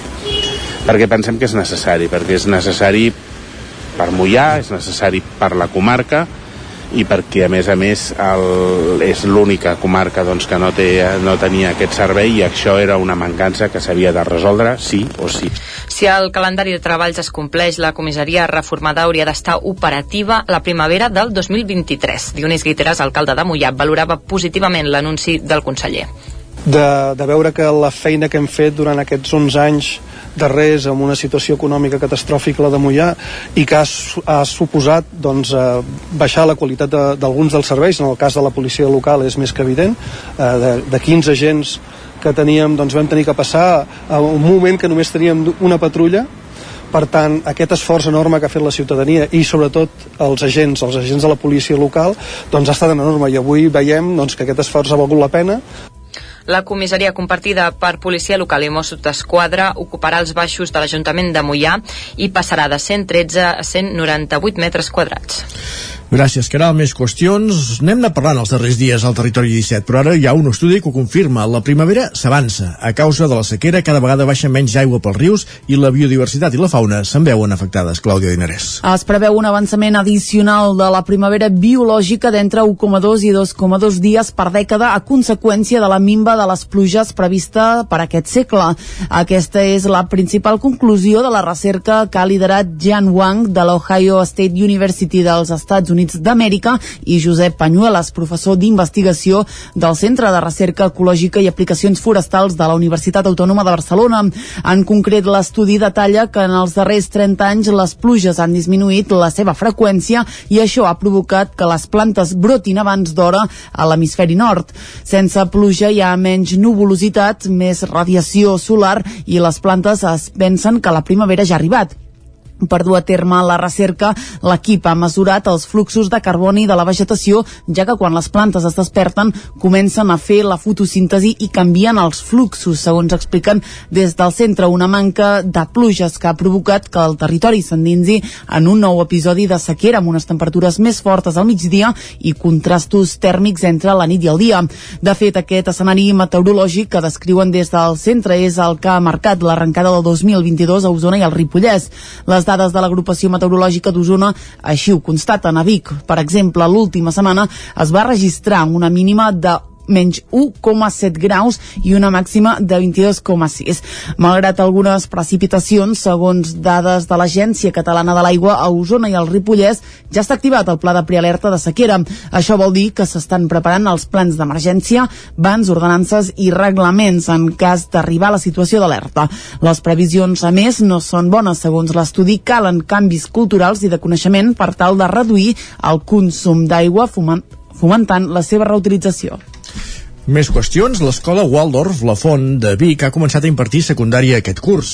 Set alumnes que l'any passat van acabar sisè de primària han estat els primers d'estrenar-hi l'ESO. El centre, ubicat al seminari, que funciona amb la metodologia ideada per Rudolf Steiner, haurà de fer obres per poder encabir els quatre cursos de secundària. L'educació secundària ja és una realitat eh, per l'escola Waldorf, la Font de Vic, ja que per primer cop aquest curs acadèmic han pogut començar les classes de primer d'ESO amb set alumnes. D'aquesta manera, els alumnes poden seguir estudiant al centre i no es veuen obligats a canviar d'escola. Sentim un d'aquests alumnes de primer d'ESO, en Roc Camp. Som set i treballem molt sortint, veient les coses, tocant, interactuant. Um, no és com estar tota l'estona sentat escoltant la mestra, és com que nosaltres, els alumnes, també podem interactuar una mica. Per poder impartir secundària, l'escola ha hagut d'acreditar que pot assumir les obres necessàries per disposar de l'espai suficient pels quatre cursos nous. Glòria Pladevall és la directora de l'escola.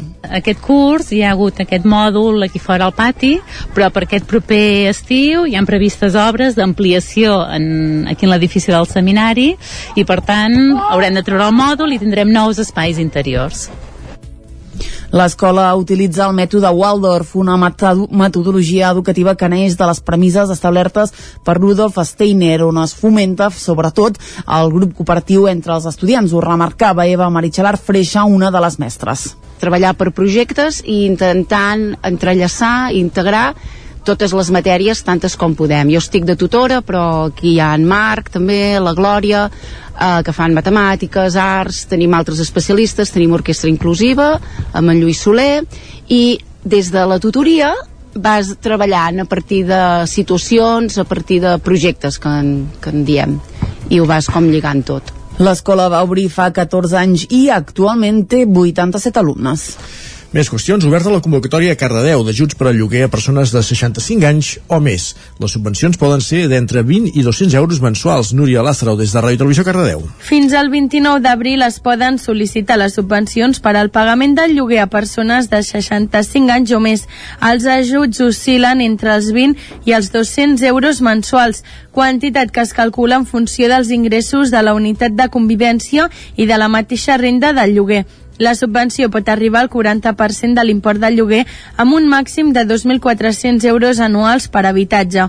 En tots els casos serà imprescindible no pagar un lloguer superior als 800 euros mensuals o 900 en cas que hi hagi alguna persona amb mobilitat reduïda reconeguda i ser titular del contracte de lloguer de l'habitatge objecte de la subvenció. Per sol·licitar la subvenció hi ha dues vies, presencialment a l'oficina comarcal d'habitatge i al registre del Consell Comarcal amb cita prèvia o a l'Ajuntament de Cardedeu. També es pot sol·licitar telemàticament al registre electrònic del Consell Comarcal o a la web de l'Agència d'Habitatge.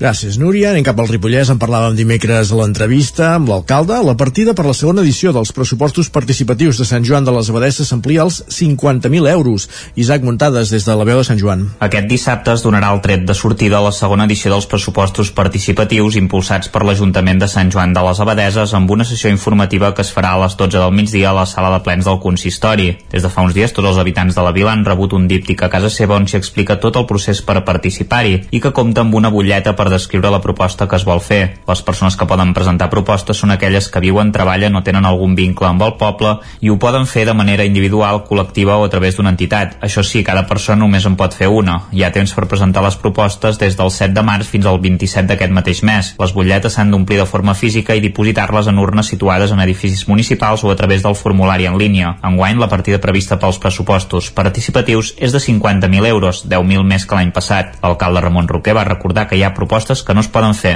Han de ser una inversió, pot ser un bé, eh? un bé més material o d'equipament, però que en tot cas ha de ser o inversió o, o adquisició, eh? però això ha de ser molt clar, ha de ser de titularitat pública i d'interès públic, per tant no, no podem fer propostes d'inversions doncs, que darrere doncs, hi pugui haver eh, o una propietat privada o un interès privat, etc etc. Sobretot que aquesta inversió sigui, sigui acotada, s'entengui, s'entengui la proposta, s'entengui l'emplaçament i que sobretot es pugui acotar el pressupost d'aquesta. I és que l'any passat es van fer moltes propostes que es passaven del pressupost, tot i que Roquer va reconèixer que també en prenen nota per si poden anar al pressupost ordinari. De fet, ja ho van tenir clar des que van iniciar aquest procés participatiu l'any passat. En aquest cas recollir més de 150 propostes, moltes d'elles coincidents, per tant nosaltres les vam poder agrupar moltes d'elles, i tot i que no van complir amb aquests criteris eh, potser una mica estrictes doncs, que marca tot el procés, però sí que nosaltres vam tenir molt més clar quines són les necessitats o problemàtiques que la ciutadania veu i que per tant trasllada a l'Ajuntament perquè en algun pressupost ordinari o en algun pressupost d'inversions en un moment o altre l'Ajuntament, més enllà del que són el, el procés de pressupostos participatius, doncs l'Ajuntament pugui resoldre en qualsevol moment aquestes mancances. Després de la primera fase se'n farà una segona en què es farà una sessió de treball oberta al públic per plantejar les bondats de les propostes. Es farà un cribratge i en quedaran una desena i les persones empadronades a Sant Joan que tinguin més de 16 anys en podran votar fins a 3. Si la primera proposta no esgota els diners, es podria fer també la segona o fins i tot la tercera. L'any passat, la proposta més votada va ser l'obertura del pas a la palanca de la Batllia, que es va millorar perquè no complia amb les mesures de seguretat i no s'hi podia passar. El pròxim 2 d'abril s'obrirà oficialment després que ja hagin posat taulons nous, noves guies travesseres, cables d'acer trenat, nous tensors i un mallat de seguretat i baranes. Aquesta proposta va rebre 280 vots, més d'un 61% de les persones participants en el procés. Gràcies, Isaac, i tanquem aquest bloc informatiu amb una informació econòmica. Conovesa Group és una enginyeria fundada a Vic l'any 2008 per Josep Novelles i Emma Conill. Estan especialitzats en el sector alimentari i ofereixen serveis globals d'enginyeria, consultoria i construcció, lliurant els projectes tancats clau a mà. L'any 2021 van superar els 14 milions de facturació i per aquest any preveuen doblar aquesta xifra. L'empresa bigatana Conovesa no para de créixer. El seu secret, deixar de ser només una enginyeria i oferir un servei global integrat adreçat sobretot a les empreses del sector alimentari. Disposar d'una constructora pròpia ha estat un dels aspectes clau en la consolidació de l'empresa bigatana. Ho detalla un dels seus propietaris i fundadors, Josep Novelles. Nosaltres com a enginyeria doncs, creiem que fem uns projectes doncs, amb un grau d'excel·lència molt elevat, llavors creiem necessari que com a evolució natural doncs, era doncs, que aquesta excel·lència que plasmava molt bé en la part documental es traslladés en l'execució dels projectes. No? Per fer això, per tenir el control d'aquesta segona etapa, ens havíem de ficar de ple i és el que vam decidir, no? agafar i fer constructora pròpia amb el personal propi, amb formació pròpia del personal. Conovesa va arrencar amb només 3 persones, ara la plantilla supera la seixantena i tenen previst acabar l'any amb 80 treballadors. L'any passat van facturar 14 milions d'euros i aquest any la previsió és doblar. Josep Novelles. És un any que molt, molt bo per nosaltres, no? Ens han, ens han entrat dos projectes molt grans, dos projectes grans que el bo és que són de clients que, que tenim nosaltres de fa temps, no? que han tornat a disposar la, nostra confiança, la seva confiança en nosaltres, per nosaltres és molt important, i estem contents i creiem doncs, que, que ens servirà doncs, per donar un saltet més endavant. L'empresa té oficines distribuïdes en tres espais del centre de Vic i durant aquest any estrenaran una nova nau per unificar serveis i treballar en millors condicions. Des del 2020, a més, també tenen una delegació a Bilbao amb la intenció de potenciar el seu creixement cap al nord de la península. Gràcies, Clàudia. Acabem aquí aquest repàs informatiu que començàvem a les 10 en companyia de Clàudia Dinarès, Isaac Muntades, Caral Campàs i Núria Lázaro. Moment ara al territori 17 de fer un repàs a la previsió meteorològica.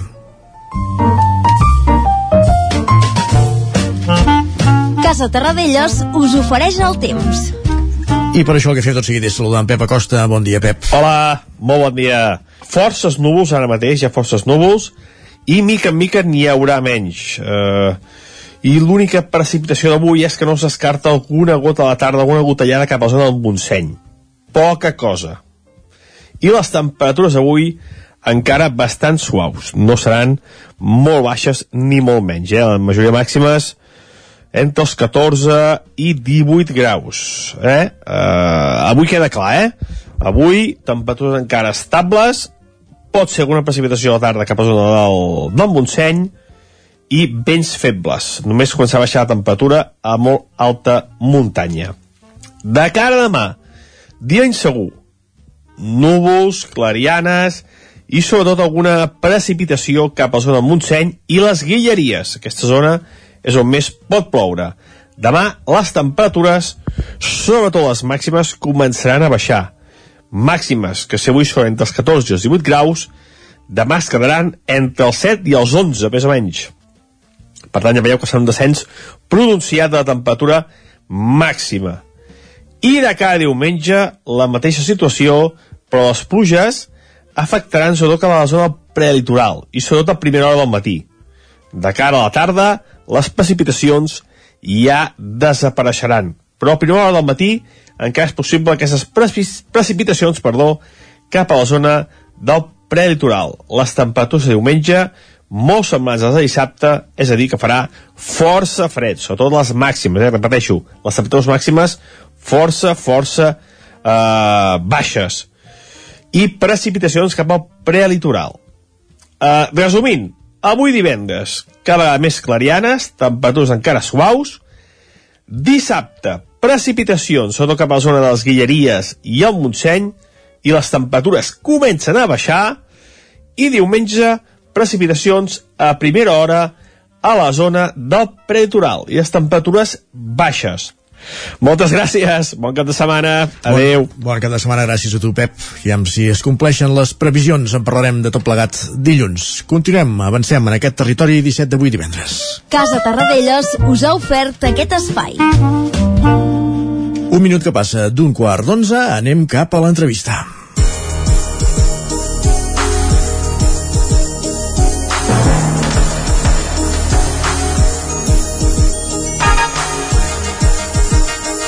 Ho avançàvem a les notícies a les 9. Aquest dissabte torna a l'Afers Lego League a la Universitat de Vic. La competició arriba a la desena edició i comptarà amb la participació de 500 joves. Es podrà seguir en directe també per al nou TV. En parlem amb un dels seus promotors, pràcticament des dels inicis, després d'aquestes 10 edicions. Juli Ordeig, bon dia. Hola, bon dia. Com estem, primer de tot? Bé, bé, bé, atrafegats, evidentment, perquè el dia abans, doncs, eh, sempre és de de molta feina, d'un cert estrès, però vaja, una situació més o menys controlada. Molt bé. L'Afers Lego League és aquesta competició de robòtica per a alumnes de, de secundària, pràcticament, que fa 10 anys, com deia, acolliu aquesta eliminatòria aquí a la, a la Universitat de Vic. Com s'encara aquesta nova edició, diguéssim, la primera després d'aquest mm, cicle pandèmic, diguéssim, no? Sí, no, no efectivament, esclar, vam començar el 2013 i i, i realment la, la pandèmia, de fet, haig de dir que l'any 2020 sortosament vam poder celebrar el, el 29 de febrer, sí, just, just tancàvem tancàvem tot, vaja, eh, just al cap de molt pocs dies. Uh -huh. uh, malauradament esclar, evidentment la- l'any passat va ser, va ser doncs, eh, Virtual. va ser virtual, va ser tot online, es va poder fer, o sigui, hem de dir que no vam deixar de fer-la eh, d'alguna manera, tothom a casa seva, als seus llocs, però la vam poder fer. Evidentment aquest any tornem a reprendre, tornem a reprendre amb un format eh, igual amb els que havíem fet anys anteriors, i de fet amb número d'equips també, igual que abans de la pandèmia, per tant en aquest sentit estem molt contents. Estem parlant de 33 equips amb 240 participants provinents de, de diferents, comar diferents comarques de l'entorn, Osona, el Vallès Occidental, el Bages, Vallès Oriental, Barcelonès, Andorra, Berguedà i Maresme, diguéssim, i aquests equips que competeixen per classificar-se per una fase estatal que es farà a Màlaga, Torremolinos. Una mica, diguéssim, um, quin és el disseny, o uh, sí, quin és l'experiment que han de fer en aquesta edició, en què es basa aquest any l'Afers Legalic? Sí, aquest any és un tema molt candent, molt de... de diguem-ne que tenim tots... Eh, de fet, és el tema... És el, es, el nom es diu Cargo Connect, de fet està relacionat amb tot el que és el transport, la logística, eh? tots nosaltres doncs comprem online moltes vegades, o, per tant tot el que és el transport de mercaderies en general a nivell mundial, a nivell local, doncs és una mica estudiar aquest fenomen i, i com podem eh, resoldre els problemes que suposen. Per tant, eh, és un tema molt interessant que, bueno, a veure què ens proposen els equips. Com sabeu, el, el, el torneig eh, té una fase, té una part que és de, de, de projecte d'innovació, que és vinculat, de fet, de la robòtica, que és bàsicament proposar una resolució d'un problema. Eh? Aquesta és la part Llavors, evidentment, la taula doncs, té, té el, tota la vinculació amb, amb, amb aquest àmbit, però, però, però ells han de proposar un problema i una resolució d'un problema d'aquest àmbit, del, del transport i de la logística. És a dir, eh, com bé deies, la competició consta de, de dues parts, de dues fases. Una és la més visible, la més visual, que és aquesta del joc del robot, i llavors hi ha la, la més científica, no?, que, que es fa a les aules, a, a l'entorn de l'aula magna, diguéssim, on, on ells presenten aquests projectes, diguéssim, que han fet a l'entorn per buscar solucions a l'entorn, en aquest cas, de, de la logística de, del transport. Entenc que cada any en aquests projectes científics hi ha alumnes que, que, sorprenen, no?, amb les seves propostes. Sí, sí, no, doncs, hi ha, hi ha, hi ha hagut propostes que han, que han tingut eh, eh, una, certa, una certa repercussió i una certa continuïtat amb, amb, amb fer uns prototipus o, o amb, amb visites amb empreses que els ha interessat aquest tipus de projectes. És a dir, eh, alumnes de, de secundària, estem parlant de, de 10 a 16 anys, però de vegades amb idees molt interessants que, que permeten avançar més enllà del, estrictament el que és el, el, el torneig. Sí, sí, efectivament. Uh, parlem una mica d'horaris. La cosa es fa durant demà tot el dia a l'entorn d'això, a, la, a, a la Politècnica de la Universitat de Vic, a la Torre dels Fraros, eh? Sí, exactament. A la nostra facultat, la Facultat de Ciències i Tecnologia, que estem ubicats al campus Torre dels Frares, aquí a, a l'eix 11 de setembre, eh, propers entre l'estació, diguem-ne, podríem dir. Eh, aquí, doncs, eh, de fet, eh, aquí tenim el, tot el, tota la, tot el torneig està al voltant de, de, de o sigui, no, aquí a la facultat de dintre. Uh -huh. eh, començarem molt d'hora, de fet, els, els alumnes, els estudiants, o, els participants arribaran arribaran a quarts de vuit del matí i això s'allargarà fins a les 3 de la tarda. Uh, per tant, sí, sí, és un dia, és un matí, diguem-ne, llarg i intens. Uh, la base de tot plegat és això, eh, suposo, és, és anar creant nous científics, no? Diguéssim, les, les ciències desperten interès, la, la tecnologia més, hi ha molta demanda de professionals tecnològics uh, uh, avui dia, i una mica aquest tipus de, de tornejos, de competicions, el que fan és despertar el científic que aquests joves porten dins? Sí, bueno, no parlaríem només de científics, científics i tècnics, enginyers. Eh? Uh -huh. Jo crec que hem de, fer un, de, de, de parlar amb, amb paraules una mica més, més obertes, enginyers, eh, científics i enginyers, dir, tècnics, eh, és l'àmbit de la ciència i la tecnologia, eh, eh, de, de forma molt general, és a dir, que eh, tenim les, tenim la, la necessita aquest tipus de, de, de, de perfils d'estudiants eh, de vegades eh, ens trobem, eh, ens trobem jo que sempre soc coordinador d'enginyeria mecatrònica doncs et trobes que eh, hi ha menys demanda d'estudiants i en canvi l'empresa necessita molts enginyers uh -huh. per tant, eh, estudiants que tinguin aquesta vocació eh, tenen un futur assegurat i és un, i és un, i és un al·licient crec que s'ha de tenir en compte De fet, sí, efectivament digues, digues. no, no, no, no. Na- na- anava a dir que, que, que a part del torneig, no sé si això ara m'ho vas a preguntar, a part del torneig que fem de l'Afer Regolic, hi ha l'Afer Regolic, que és la Challenge, eh, Sí. de 10 a 16 anys, Uh, tenim els dels petits, també Correcte. de 9 anys, eh? No sé si això ara... Sí, sí, pots, eh, podem aprofundir i després continuem l'entrevista. perquè sí, no, en realitat eh, el, tenim un doble torneig. Eh, sí que a la Torre dels Frades tenim el, els de 10 a 16 anys, però en paral·lel al campus Miramarges, que és a 500 metres d'aquí mateix, eh, i tenim els de la, els de la Junior, els de la First League eh, Explore, que abans es deia Junior, i que de 6 a 9 anys, i que aquests eh, abans els havíem ubicat en el mateix edifici, però una mica en l'organització per la pandèmia vam decidir eh, esponjar una mica i tenim, per tant estem utilitzant dos campus. Aquest any, per tant tenim dos espais. I en aquesta, última, en aquesta altra competició hi participen 250 nens i nenes de 43 equips, poca broma, de Tona, exactament, Tona, Manlleu, Torelló, Vic, Artés, Sant Cugat del Vallès, Matadepera, Llinars del Vallès, Badia del Vallès i, i Vilassar de Mar. El que sí que eh, et volíem demanar és el fet aquest, no? Eh, Amb 10 anys ja es poden fer balanços i una mica és el fet de, de joves que han participat a la First Lego League o que han, entre cometes, triomfat a la First Lego League que poden anar fent el seguiment, que han participat en altres competicions de robòtica, però sobretot que els heu vist que són alumnes que segurament ja són graduats de, Sí. de, de la vostra facultat, per entendre'ns, no? Sí. I, no? I nous tecnòlegs o nous enginyers, per sí, entendre'ns. sí, sí, sí, sí, sí.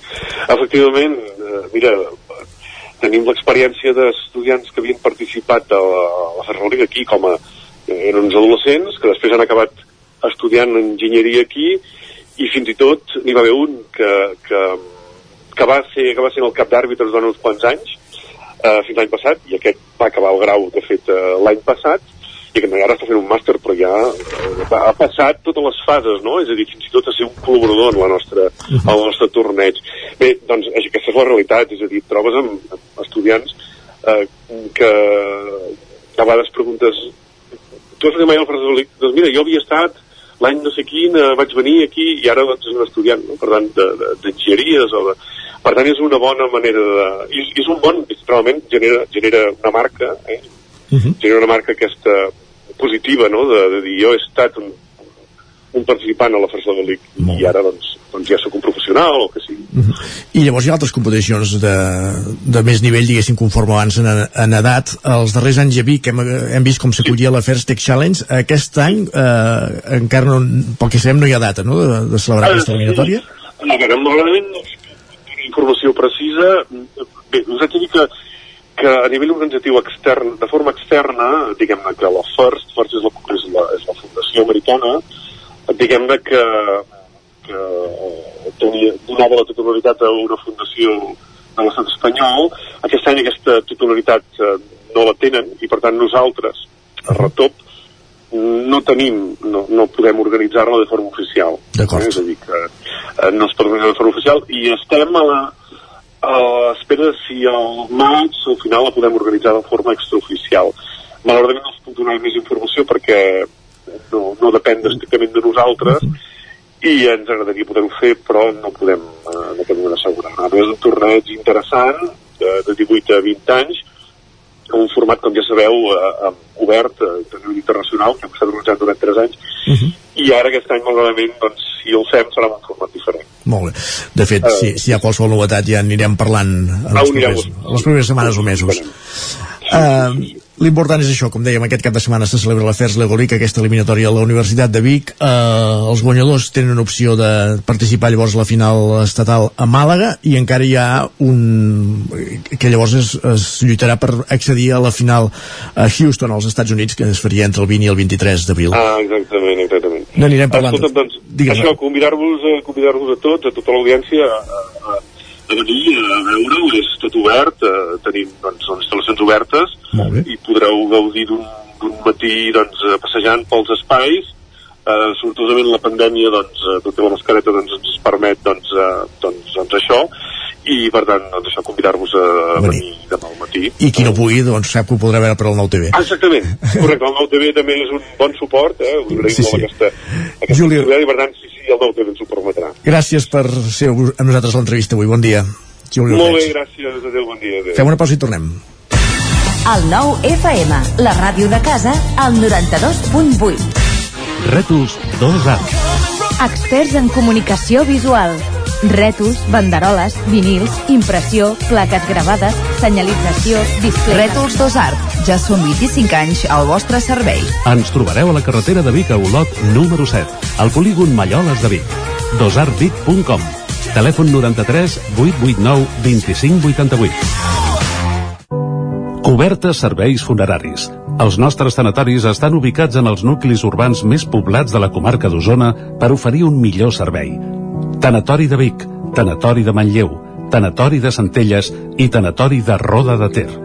Sabem que són moments difícils i per això el nostre compromís és atendre-us en tot moment amb un tracte humà, sensible i respectuós. Coberta serveis funeraris.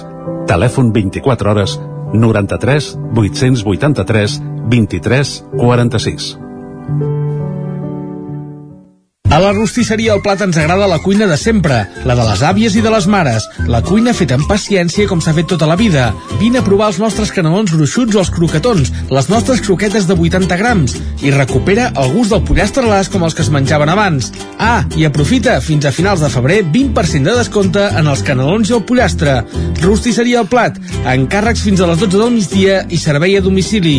Ens trobaràs de dijous a diumenge al carrer Església número 6 de Taradell o al 93 135 58 85. Rètols 2A. Experts en comunicació visual. Rètols, banderoles, vinils, impressió, plaques gravades, senyalització, display... Rètols Dos Art. Ja són 25 anys al vostre servei. Ens trobareu a la carretera de Vic a Olot, número 7, al polígon Malloles de Vic. dosartvic.com Telèfon 93 889 2588. Això és el que s'escolta al voltant d'una caldera saunia d'Oval. Tranquilitat i benestar, perquè gaudeix del millor manteniment del servei tècnic oficial per estar despreocupat. O el que vulgui. Informis a Oficiat Nord trucant al 938860040. Saunia d'Oval, sempre al seu costat. Al restaurant Xavito Gastro de Vic hi trobaràs una cuina mediterrània i de mercat amb gran varietat de plats, amb arrossos, carn o peix fresc de la llotja cada dia. Vine a dinar de dimarts a divendres i prova el nostre menú diari per només 15 euros o a les nits de dijous a diumenge tastar el nostre menú degustació amb arrossos i tapes per 25 euros. Restaurant Xamito Gastro. Ens trobaràs al carrer Callnou número 9 de Vic i al telèfon 93 094 1172 o al 747 42 92 58. El nou FM, el nou FM, el nou FM. En punt, dos quarts d'onze al territori 17.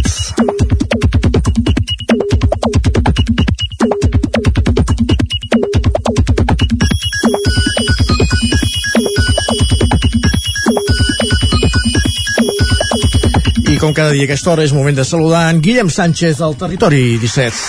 Carai, Guillem. Arribes molt ben acompanyat avui. quanta gent, quanta gent que hi ha aquí a l'estudi no la veig per espai Oh, noi. què tal? Quina rebuda, eh? quina rebuda, quina rebuda Molt i som bé. divendres ja, Imagina't, hi ha eufòria de cap de setmana, ja i tant, directament Què has trobat per Twitter que revis aquests aplaudiments ja previs abans de començar, home? doncs es veu que aquesta setmana jo no ho sabia, me n'he adonat avui és setmana també de Mobile World Congress Molt bé, molt bé. avui que ja no es fa, avui que, que es va acabar ahir. Correcte, correcte. Per això avui encara algú li ha agafat una mica amb el, amb el peu canviat, com per exemple la Nerea que ens escrivia bueno, avui els guiris del mobile ja marxen o què? I segons dius tu, Isaac, ja van marxar ahir, eh? Ahir s'acabava, sí, passa que compta que eh, després se'n van anar a celebrar-ho i han dormit a Barcelona i avui deuen començar a agafar ja els vols de tornada, no? Per tant, marxar deuen, deuen marxar avui, doncs va, sí. Algun podria marxar i...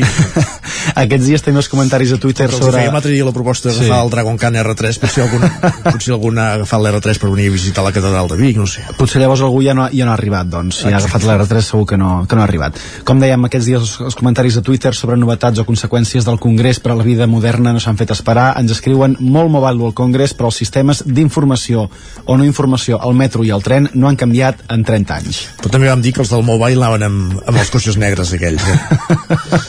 per tant no, no, No utilitzen ni metro, ni, ni tren, no? I l'Antar no creu que sigui per això massa útil una cita d'aquestes característiques, ens, ens escrivia no hi ha dia que no vegi notícia del mobile i pensi que tot el que, el que s'hi fa són imbecilitats, marxeu ja cap a casa, pesats. Bueno. Quines rebudes, no? Quines rebudes, em sembla que a la gent no li fa massa, no li fa massa gràcia que, que hi hagi potser tant, tant moviment per aquí o que tot el que s'expliqui llavors no tingui una traducció mm, amb la vida O- o a l'abast, quotidiana o a l'abast dels mortals, no?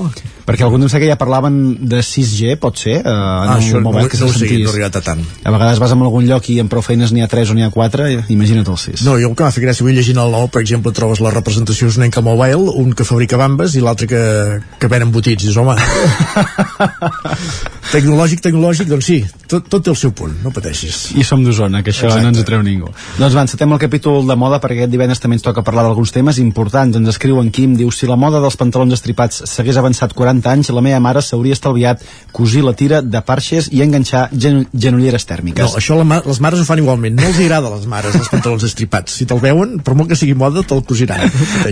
L'Enric li responia Quim, fa uns 35 anys ja estava de moda, jo n'havia portat a l'adolescència i el que també m'ha agradat molt ha estat l'expressió de la Maria per referir-se a aquesta situació a veure què, què et sembla ens diu, hòmens en edat de mereixer fent olor de colònia de iaio és mal, cal dir-ho jo aquesta expressió de hòmens en edat de, de mereixer feia molt temps que no la sentia Homes en edat de mereixer, marai. que deu voler dir homes, Jove. homes joves no? O, o si més no, de l'edat de la noia.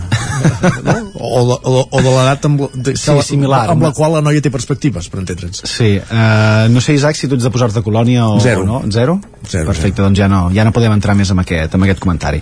Va, i ara una qüestió d'aquelles de gran... No, i a més és això, quan utilitzes alguna, a vegades algun Sí? element de neteja o això que, deixa perfum, em m'automolesta ja Ostres. d'entrada, sí, sí, però vaja.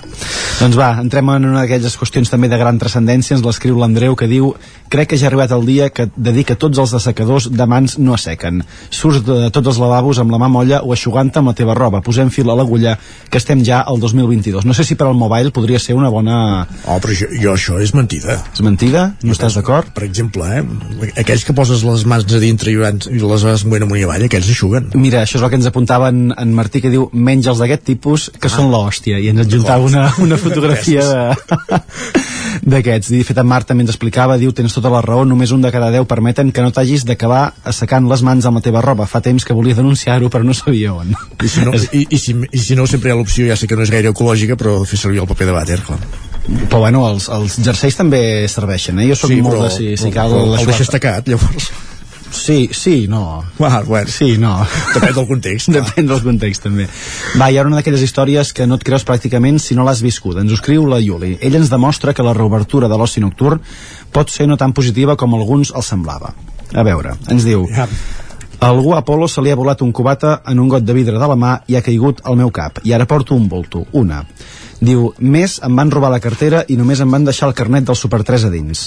Més, tornant amb el tren, m'he dormit i he arribat a les 7.39 a Massanet.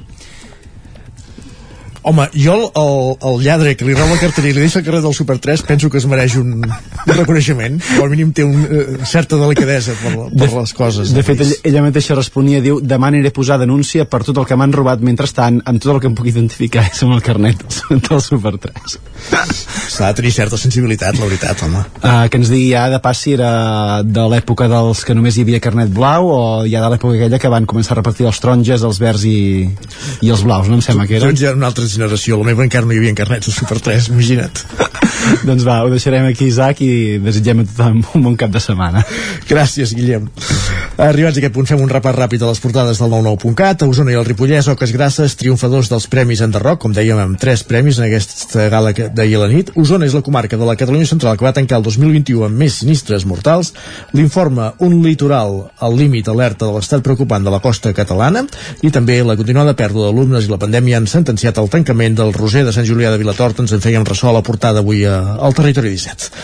A l'edició del Vallès Oriental del 99.cat, tres arrestats per robar dos mòbils amb violència i Granollers, Cardedeu modifica el pla urbanístic per prescindir de la Ronda Nord-Est i l'informe i també podem llegir enxampen dos furtius robant 14 tones de llenya d'alzina en un bosc de Sant Celoni i Creu Roja de Granollers impulsa una rehabilitació integral de l'edifici del carrer Joan Prim. Dit això, el que fem tot seguit al territori 17 és anar cap a la taula de redacció.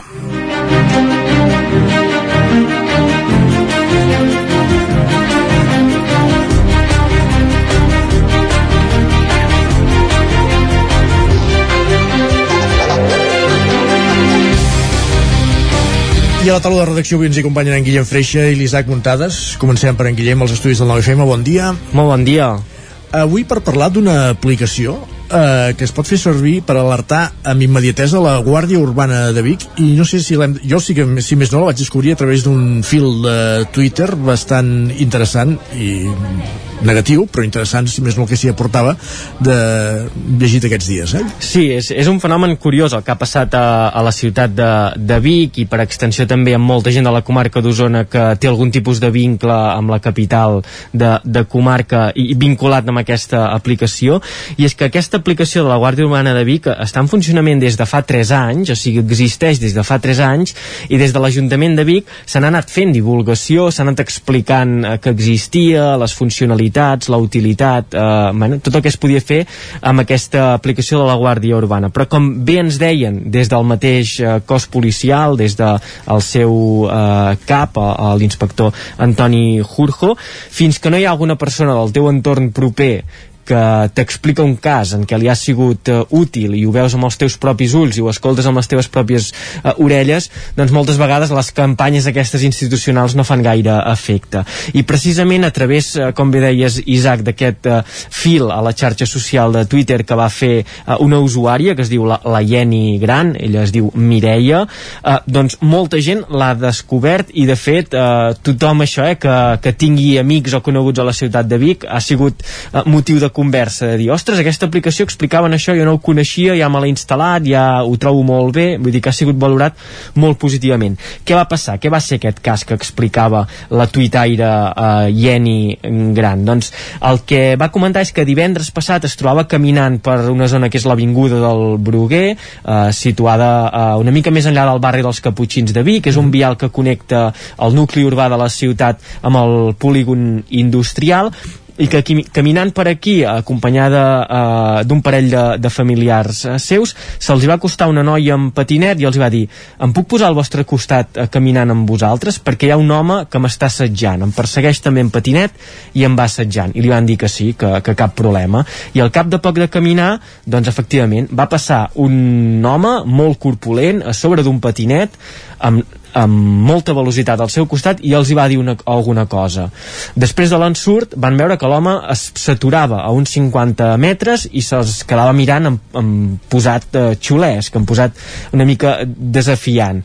El grup on hi havia la Mireia i també aquesta noia que s'estava sentint assetjada es van parar a, a veure amb què feia aquest noi, el noi no es movia i el primer que van fer Uh, la Mireia, els seus familiars uh, respecte a la noia va ser, ostres, truquem a la teva mare, la noia uh, era una noia uh, jove que tornava de treballar precisament del polígon industrial, truquem a la teva mare, algun familiar perquè et vingui a recollir. Van fer aquest pas, van trucar a la mare, la mare va dir, sí, sí, ara ja vinc de seguida amb el, amb el cotxe a recollir-te, però com que el noi no es movia d'aquesta distància de 50 metres i continuava amb, aquest, uh, amb aquesta posició sí, sí, sí. xulesca, el que també van fer va ser trucar a la Guàrdia Urbana. La Guàrdia Urbana els va recollir el, la trucada al telèfon, eh, van passar el parte, al cap d'uns minuts que elles, elles expliquen que van ser eh, eterns, tot i que va, van actuar amb, amb, amb, amb celeritat, amb rapidesa se li van fer eterns, van venir els agents, van identificar l'home, eh, van confirmar eh, que tot estigués en ordre, que no hi hagués cap problema, el van fer marxar,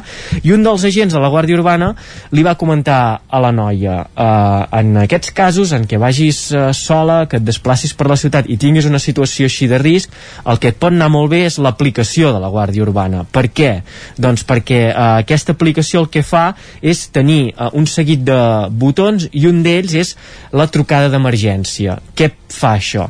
Doncs fa que si tu estàs en un moment en què tens una sensació de perill, algú t'amenaça, acabes de patir un robatori, uh, tens qualsevol problema a la via pública, no has de recordar quin telèfon és el de la Guàrdia Urbana o has de passar per feixucs tràmits, no? A vegades quan truques en, en telèfons d'emergències que et demanen moltes coses abans de poder explicar què et passa, doncs no.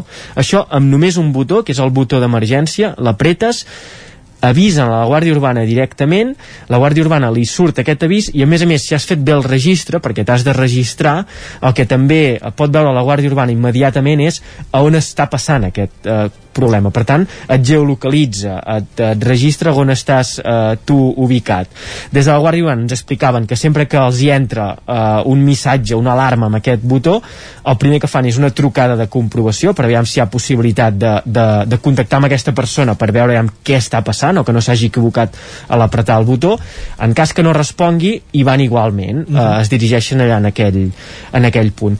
La gent de la Guàrdia Urbana de Vic doncs, li va comentar això, que evidentment qualsevol persona ha de ser lliure i s'ha de sentir segura de passejar per als carrers, això eh, diguem és la primera premissa que hauríem de tenir tots clars, clar, però sí, que en cas que estiguis eh, sol, que tornis a treballar, que vagis això, eh, eh, sol per al carrer i tinguis aquesta situació de perill, doncs eh, portar el mòbil a la butxaca amb aquesta opció d'una un avís tan ràpid eh, doncs pot ser important. Això és important per la ciutadania i deixa'm dir que també pels comerços, perquè un altre cas també d'aquestes últimes eh, setmanes a Vic es va produir en una farmàcia i va arribar un home que volia comprar medicaments amb receptes robades. Això ho van detectar els eh, comerciants i una altra de les coses positives d'aquesta aplicació és que pots donar l'avís d'una manera gairebé imperceptible. Al detectar que les, eh, eh, les receptes eren robades, els farmacèutics farmacèutics el que van fer va ser apretar eh, de forma una mica eh, sigilosa el botó, van entretenir la persona allà dintre l'establiment i sense saber com van aparèixer a la Guàrdia Urbana en aquest establiment i van poder doncs, fer tot el que s'havia de fer amb aquesta persona. Per tant, la utilitat de, de l'aplicació mòbil de la Guàrdia Urbana de Vic. Deixa'm afegir la, una anècdota amb tot plegat, amb tota la, la construcció d'aquest relat de, de la Mireia Genís, uh -huh. eh, mhm. que és que quan va arribar la mare de la noia, el primer que va fer va ser anar-se'n a buscar el subjecte i dir-ne quatre de fresques, també. Sí, però, sí, sí. Però, però és, ja dic l'anècdota, perquè bàsicament són situacions eh, injustificables sí. que no s'havien de produir i que per sort van acabar bé, no? Efectivament, eh, es va produir això i en el vessant dels comerços també ens deien això, eh, que evita que t'hagis d'encarar amb la persona que tens al davant, perquè si eh, veuen que fas una trucada i estàs trucant a la policia o, o detecta Correcte. el delinqüent que estàs fent alguna cosa acabant la seva contra, eh, es pot complir encara més l'escena i això permet fer aquest avís d'una manera més, més sigilosa i imperceptible. Doncs gràcies, Guillem, per acostar-nos a aquesta aplicació, a aquesta realitat. Adéu, bon, bon dia. dia. I com dèiem, ens acompanya també la taula de redacció l'Isaac Muntades des de la veu de Sant Joan. Aquí saludem Isaac.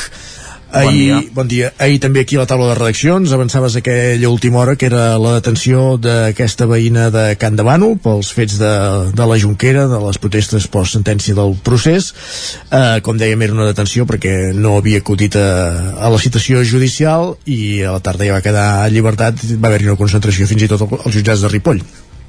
Sí, exacte, és, és el que tu comentaves, eh? I es va detenir aquesta veïna de Can Bànol, l'Àfrica Montaner, que a més a més és una persona coneguda perquè és presidenta de la Unió de Botiguers i també eh, és veterinària, és la veterinària del poble, per tant és una persona que és molt coneguda a Can Bànol i doncs que va participar doncs, en aquests eh, talls en el seu moment a, a l'autopista eh, AP7, eh, que es va organitzar, com ja sabeu, per al tsunami democràtic, això va ser el novembre del 2019 per protestar contra la sentència contra tots els líders de, del procés independentista i, i bé, com, com s'havia comentat doncs ella no, no s'havia presentat en cap de les vegades que, que se l'havia citat a declarar doncs, al jutjat de, de Figueres. Uh, es, es diu que ens, la van citar com unes 5, 4 5 vegades però en tot cas sempre des de, des de tota aquesta gent que ha estat uh, uh, reprimida doncs el que no ha volgut fer doncs, és, és anar a declarar per legitimar doncs, aquest uh, sistema judicial i no, no s'hi van presentar i evidentment se la, va, se la va detenir ahir al matí, se la va portar a la comissaria dels Mossos de Ripoll. De fet, en un primer moment la concentració era al jutjat de Ripoll i es va traslladar doncs, cap a la comissaria. Se la van emportar força ràpid perquè el, pel que ens van comentar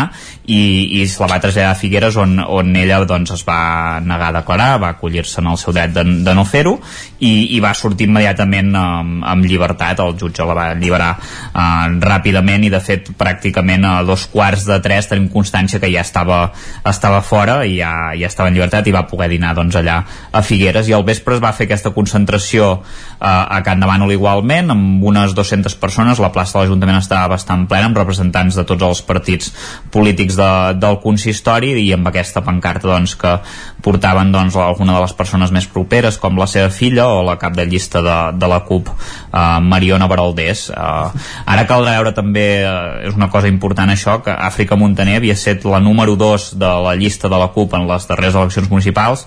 En els anteriors comicis sí que havia sonat per ser el relleu de, de Baraldés. Eh, sembla ser que ara ja que es confirma que Baraldés no continuarà ella ja també va dir que no ho faria. I, i bé, s'està parlant de veure qui pot ser el nou cap de llista i a més a més si afegim això de, del tema d'aquest de, judici que hi ha pendent eh, que pogués acabar amb algun tipus d'inhabilitació o qualsevol eh, tipus de cosa doncs seria complicat que, que es pogués presentar. Sí, exacte D'acord, Isaac, moltes gràcies. Parlem d'aquí uns minuts a, al repàs esportiu. Fins ara. Fins ara.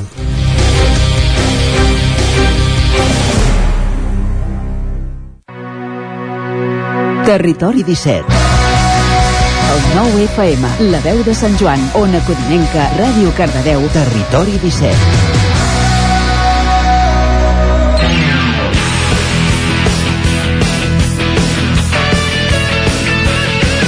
12 minuts i mig perquè siguin les 11, és a dir, que passen dos minuts i mig de tres quarts d'onze. Al territori 17 el que fem ara és obrir la roda esportiva, aquesta roda per les diferents emissores del territori 17 en què acostem l'agenda esportiva dels equips i esportistes de les nostres comarques per aquest cap de setmana.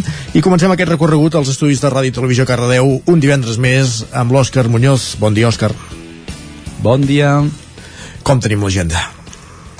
Doncs la tenim sempre com en partits, que això és important. bo, sigui important, exacte. O sigui, comencem el repàs, si sembla bé, amb, amb el primer equip de futbol del Cardedeu, que aquest diumenge juga a casa contra l'Argentona. Actualment l'Argentona estan situats a la sisena posició de la segona catalana i el partit començarà a les 12 del migdia el filial de la tercera catalana haurà de desplaçar-se cap a Vilanova del Vallès també diumenge a les 12 del migdia. En aquest cas, a Vilanova està situat a mitja taula. Recordem que els dos equips del Cardedeu, tant el primer com el filial, estan situats a la segona de les seves respectives lligues. Molt bé. El Llinàs, que també el tenim situat a la tercera catalana, jugarà a casa contra el Palau Tordera a dos quarts de cinc aquest partit el jugaran a porta tancada, ja que l'últim partit del Llinàs contra el Vilamajor doncs, no va acabar del tot bé mm. per l'equip llinasenc i això, s'haurà de jugar a porta tancada. El partit és dissabte i el Llinàs haurà de jugar contra els novens classificats, contra el Palau Tordera molt I bé. acabem amb el futbol, la Granollers amb l'Esport Club, nova oportunitat per sortir d'aquesta quinzena posició, aquest cop diumenge a les 12 del, del migdia al municipal de Granollers contra el Sants Unió Esportiva. Actualment va dues posicions per davant de l'Esport Club, el Sants, però esperem que això, que l'Esport Club s'acosti, s'acosti cap endavant. Molt bé. S'acosti, exacte. Anem ara amb l'handbol a Cardedeu. L'equip sènior masculí s'haurà de desplaçar dissabte per jugar contra l'handbol Gava a dos quarts de nou de, del vespre nit. Actualment el Cardedeu ha situat una posició per sobre del Gavà uh Mhm. -huh. i amb l'altre equip, amb l'altre sènior femení, també jugarà demà a casa contra el club handbol Martorell a les 7 de la tarda. En aquest cas el Martorell va a una posició per, dam per damunt de les cardedeuenques, però això, en aquesta lliga tot pot passar i esperem que les noies que necessiten aquesta, aquestes victòries per quedar-se a la, a la lliga sènior femenina, que tant els interessa. Molt bé. I acabem a Granollers amb, amb un únic partit, ja que les noies del CAC 7 descansen aquesta, en aquesta jornada, ja que la Lliga Guerreres i Verdola eh, aprofitaran per jugar partits endarrerits que porten arrossegant des de gener. Així que les noies del CAC 7 no jugaran aquest cap de setmana i el que sí que ho farà serà acabem amb un, amb un partidàs Ja. demà a les 12 del migdia el Fracking Balonmano Granollers visita el Palau Braugrana o sigui, derbi català, primer contra segon de la Lliga Sobal i l'únic que es separa del Franking del Barça són, de la classificació són quatre derrotes o sigui, tampoc ho veiem massa No, complicat Els dos millors equips cas catalans i els Franking. dos equips amb més forma de, de la Lliga Sobal ara mateix, sens dubte. Demà partidàs, com deies, al Palau Blaugrana, Barça, Freaking Granollers. A les 12 del migdia. Molt bé, doncs estarem atents. Gràcies, Òscar. En parlem dilluns de com han anat els resultats. No, de fet, parlem d'aquí una hora a la gent del cap de setmana. I Exacte. d'esports en parlem dilluns. Bon cap de, eh, fins ara.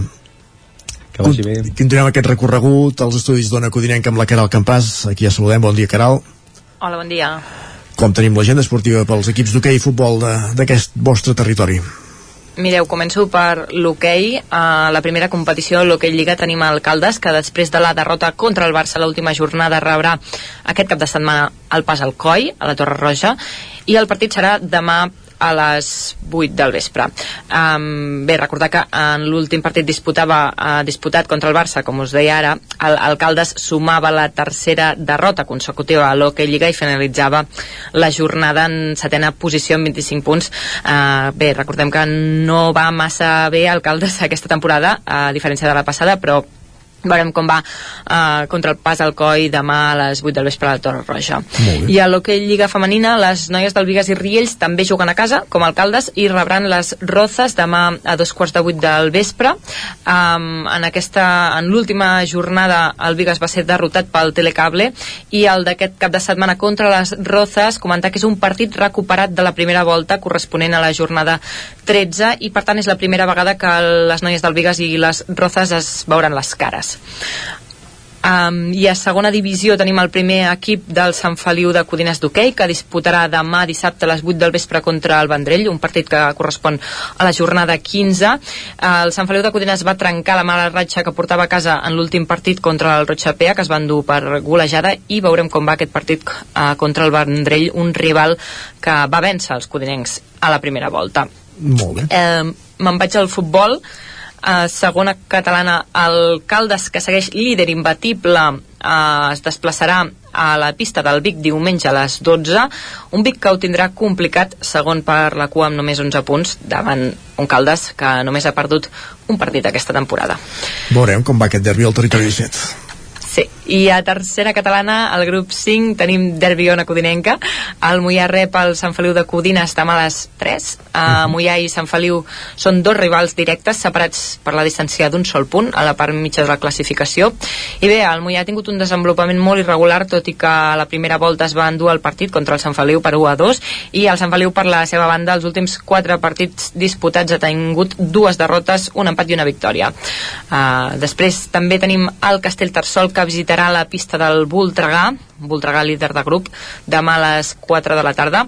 Uh -huh. El Castellterçol segueix a la part baixa de la classificació i ho tindrà molt difícil davant del líder. Eh, bé, els del Moianès només han guanyat 3 partits aquesta temporada, mentre que el Voltregà, a l'altra la, part de la balança, només compta amb dues eh, derrotes i finalment el filial d'Alcaldes també a tercera catalana aquest grup 5 visita la pista de l'aigua freda demà a dos quarts de 5 de la tarda.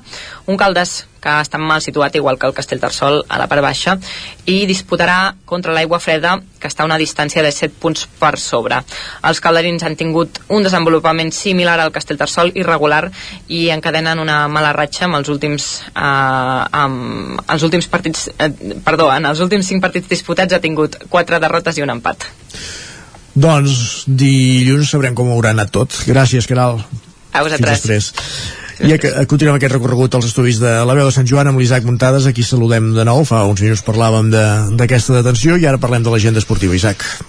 Bon dia de nou. Doncs uh, sí, tenim uh, alguns partits, bàsicament de, de futbol, perquè aquesta setmana no hi ha ni hoquei ni, ni futbol sala per descansos i per partits que, que s'han ajornat per, un, per una altres dates. Uh, en el futbol, el subgrup A de la zona catalana, el Camprodon jugarà a casa el seu penúltim partit de la primera fase, aquest diumenge a les 4 de la tarda, i si juga l'honor de no acabar cué la Lliga perquè el seu partit serà contra el Llançà, que és el penúltim classificat, i en cas de perdre doncs acabarà últim segur. Si empata s'ho jugaran a la darrera setmana. I si guanya doncs es posarà un punt per davant i, i dependrà d'ell mateix per no, per no acabar doncs, en l'última posició. Ara els camprodonins tenen 7 punts i el Llançà 9. No estan gaire bé cap dels equips. El Camprodon acumula 6 derrotes consecutives i només ha guanyat dos partits en tota la Lliga. De fet, el Llançà hi va perdre per 4-0 i el Llançà eh, també només ha guanyat dos partits i acumula 7 desfetes seguides. Per tant, eh, un duel de la part baixa per veure qui és el pitjor equip perquè realment estan en una situació molt, molt dolenta tots dos conjunts. Uh, pel que fa a la tercera catalana de futbol, el Camp de Bànol visitarà el complicat camp del Formentera Fornells aquest dissabte a les 4 de la tarda que és un equip que és quart amb 37 punts mentre que el Canaro en té 34 per tant rival totalment directe i un dels últims trens per intentar lluitar per l'ascens. El Fornells només ha guanyat eh, en un dels últims 3 partits però és que el Campdevànol en fa 4 que no guanya per tant eh, sense comptar l'amistós contra el Camprodon del cap de setmana passat esclar. per tant eh, partit complicat per al, per al Campdevànol i la Badesenc jugarà també aquest dissabte a les 4 de la tarda però a casa contra les preses després de derrotar l'Atlètic Banyoles a l'últim compromís dels Sant Joanins són vuitens amb 28 punts i s'enfronten contra un rival que té els mateixos punts, per tant també duel molt directe i a més les preses porta un millor estat de forma perquè ha vençut en els tres últims partits serà un partit igualat i, i una oportunitat també dels Sant Joanins per acostar-se més al, al liderat del grup que no pas a la, a la zona de descens i esperem que a poc a poc l'equip de Miguel Muñoz comenci doncs, a, a sumar més victòries i estar en el lloc on, on li toca en aquesta categoria D'acord, doncs així ho desitgem Parlem més tard, Isaac fins després. Bon dia. Adéu. Acabem aquest recorregut als estudis del 9FM en companyia de l'Ester Rovira per conèixer l'agenda dels equips usonencs. Bon dia. Bon dia. Uh, I la comencem uh, destacant aquest derbi que hi haurà a l'Hockey Lliga entre el Manlleu i el Voltregà Motor demà dissabte a dos quarts de nou del vespre uh, a Manlleu. Uh, un partit uh, d'urgències perquè els dos equips es troben en les dues places de play-out per la per permanència, uh, la màxima competició estatal de, de l'hoquei patins, empatats a 14 punts, per tant eh, importantíssim aconseguir 3 punts en, en aquest eh, partit, a més a més tots dos venen d'una mala dinàmica de, de resultats, eh, per tant eh, és clau eh, qui pugui sumar aquests 3 punts, també perquè per darrere eh, hi tenen eh, l'Alcobendes i el Palafrugell eh, només un i dos punts de, de distància i aquestes dues últimes places són les de descens directe, per tant eh, queden 7 jornades només per acabar l'hoquei Lliga i les coses s'han anat complicant en una temporada on um, els dos equips uh, no és que hagin fet uh, mals partits, però la sort en molts, allò que també s'ha de tenir en l'esport, molts dies no ha estat no al seu costat i per tant s'han escapat punts que ara, que ara es troben a, a faltar. I ara estan en aquesta zona de risc. Exacte. Uh, per tant, això, partit clau aquest de demà a dos quarts de nou del vespre a Manlleu. En el cas de, dels equips femenins, dic que el Voltregà Motor uh, juga a la pista del Telecable demà a les 7 de la tarda partit de la competició europea uh, uh, dependrà molt de que puguin aconseguir la victòria que les uh, voltreganeses puguin classificar uh, per, a, doncs, per a la fase final de, de la competició. I uh, el Manlleu per la seva banda té dos partits de l'hoquei Lliga Femenina per posar-se al dia dels que tenia pendents. Avui a les 9 del vespre rep el Vilanova mentre que diumenge a dos quarts d'una del migdia visita el, el Liceu. Recordem que venen d'una patacada grossa uh, dimarts a casa contra el Gijón que van perdre per 0 a 5 aquesta temporada. Els dos dies que han jugat un dimarts al vespre i a casa, que va ser, a més a més, contra dos dels grans rivals que tenen, el Palau i el Gijón, doncs tots dos dies han perdut. I, per tant, havia de ser una setmana de 9 punts, uh, de moment se'ls han escapat 3, però suposo que l'objectiu serà sumar els 6 que, que els queden.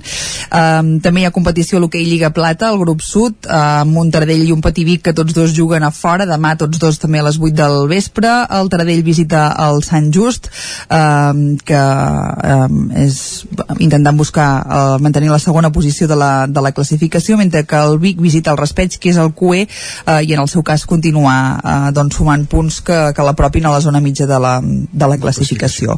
Uh, això pel que fa a l'hoquei, en el cas de, del futbol, a la primera catalana aquest cap de setmana juguen a casa el Vic Riu primer, uh, que rep el Sabadell Nord dissabte a 3 quarts de 5 de la tarda, i el Manlleu, que rep diumenge a les 4 al Sant Boià, mentre que el Tona, que recordem que és el líder, i el Vic, que és el tercer classificat, darrere el Manlleu, que és segon, tots dos juguen a domicili, el Tona visita el Sant Cugat dissabte a les 6 de la tarda i el Vic al camp del Júpiter diumenge a les, a les 12 n'hem anat parlat molts dies no, d'aquest grup 2 de la primera catalana tan ajustat a la part alta, ara sí que el Tona ha començat a fer forat al davant però bé amb tres equips usonencs que ocupen les tres primeres posicions. Uh, també jugarà a casa el Vic Riu primer femení a la primera divisió nacional femenina del futbol que rebrà el líder l'Europa diumenge a les 4 de, de la tarda uh, intentant doncs doncs, també puntuar per continuar la zona tranquil·la de, de la taula. I en bàsquet aquest cap de setmana també hi ha un partit eh, molt important al Castell d'Emplanes. Demà dissabte a un quart de nou del vespre perquè el Club Bàsquet Vic Universitat de, de Vic rep en el grup C3 de la Lliga EVA el Barça que és el líder i un equip doncs, plegat de jugadors que aquesta temporada han anat tenint minuts al, al primer equip. Per tant els amants del bàsquet és un bon partit per, per anar a veure. Demà al vespre, això, eh? això demà al vespre, un quart de nou, sí. I acabem amb res, amb dos apunts més. Destacar també que aquest cap de setmana les instal·lacions del Club Tenis Torelló es disputen la fase final, les semifinals i la final del torneig ITF Men World Tennis uh, Tour International Vila de Torelló. Um, sobretot destacar la final, uh, que serà diumenge a les 12 del, del migdia, i també diumenge a les 4 de la tarda al pavelló Castell d'Emplanes, que hi haurà el Campionat de Barcelona de xous de patinatge, uh, una competició uh, d'aquelles que, que omple sempre i que permetrà veure les peces que aquesta temporada posen a competició uh, els principals equips de, de la modalitat. Rec- Recordem que això després va, va primer comença el Campionat de Barcelona, després ve el de Catalunya, el d'Espanya i després acaben anant a europeus i, i mundials, doncs l'arrencada aquest cap de setmana i a Vic. Perfecte, doncs estarem atents. Moltíssimes gràcies, Esther. Que vagi bé. Bon cap de setmana. I aquí, al Territori 17, el que fem tot seguit, quan passen dos minuts del punt de les 11, és actualitzar-nos en les notícies més destacades de casa nostra.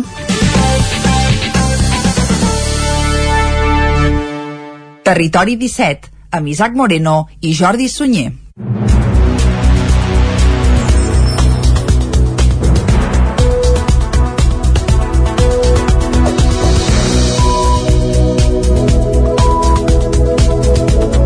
I us expliquem a aquesta hora que una cinquantena de persones i una dotzena de tractors van participar ahir a la mobilització que Unió de Pagesos va convocar simultàniament a diferents punts de Catalunya, entre els quals Vic i Ripoll. Ens centrem en Vic. L'objectiu era denunciar públicament la crisi de preus que viu el sector agrari i la inacció dels governs català i espanyol. Clàudia Dinarès. Al costat dels cartells d'Unió de Pagesos, els tractors que ahir es van concentrar a Vic també lluïen un cartell amb els colors de la bandera d'Ucraïna, on podia llegir-se prou a la guerra.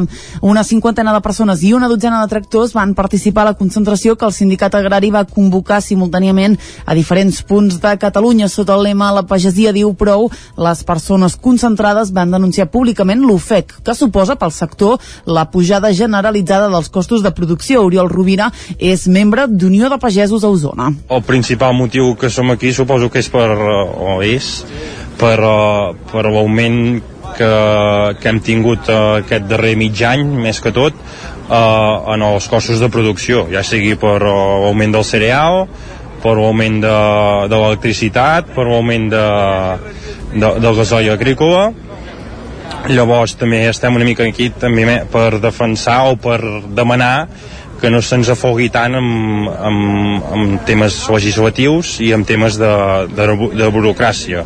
L'acte va començar a l'aparcament de Can Pamplona de Vic. Des d'allà, les persones concentrades van iniciar una marxa fins al recinte firal del Sucre, on hi ha ubicada la seu dels serveis territorials del Departament d'Acció Climàtica, Alimentació i Agenda Rural a la Catalunya Central.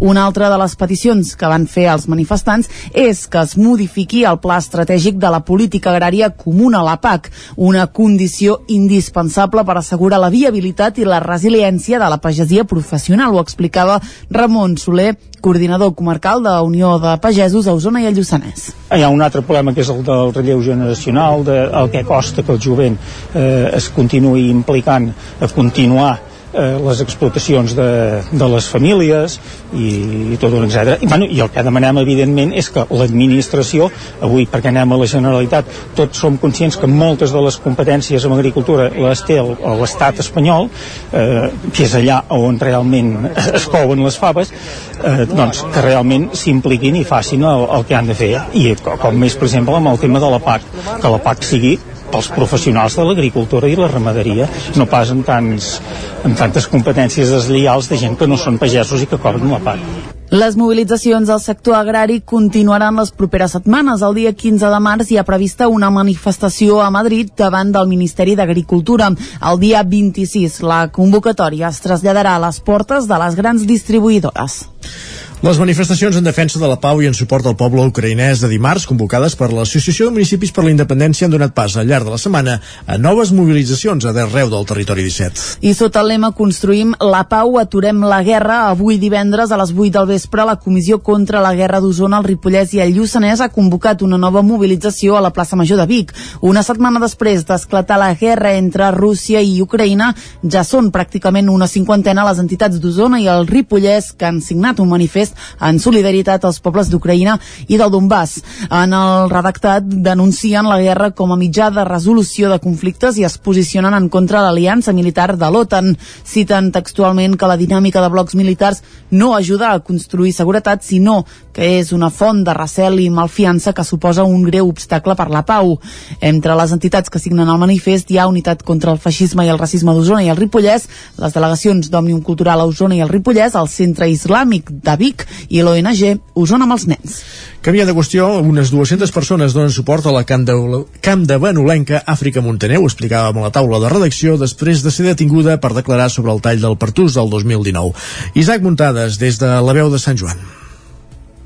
Gairebé unes 200 persones van aplegar a la plaça de l'Ajuntament de Camp de Bànol aquest dijous al vespre per donar suport a la seva veïna Àfrica Montaner, que havia estat detinguda al matí per agents dels Mossos d'Esquadra. En conèixer que havia estat detinguda es va convocar una concentració de resposta immediata davant dels jutjats de Ripoll i tot seguit davant de la comissaria dels Mossos de la vila. Montaner va ser traslladada al jutjat de Figueres per declarar en relació al tall de l'autopista AP7 organitzat per Tsunami Democràtic que es va fer al Pertús el novembre del 2019 en protesta per la sentència del procés independentista. En presència del jutge, Montaner va explicar que s'acollia el dret a no declarar i va ser posada en llibertat poc abans de dos quarts de tres de la tarda. De fet, ja fa uns dies que l'entitat Alerta Solidària havia avisat que es podia produir la seva detenció i la de les 13 persones restants que també van desobeir en el seu dia. El jutge havia citat Montaner un mínim de 5 vegades i no havia atès els requeriments. A la concentració del vespre s'hi va llegir un manifest de suport i es va mostrar una pancarta on s'hi podia llegir Totes estàvem a la Junquera, Solidaritat, Organització i Lluita, Àfrica no està sola. La mateixa Montaner va assistir-hi, però només va intervenir-hi la regidora de la CUP, Mariona Baraldés. Precisament, Montaner va ser la número 2 de la llista dels copaires a Camp de Bànol i havia sonat en algunes ocasions per substituir a Baraldés, però caldrà veure si la causa que hi ha oberta al jutjat de Figueres pot estroncar els plans de successió.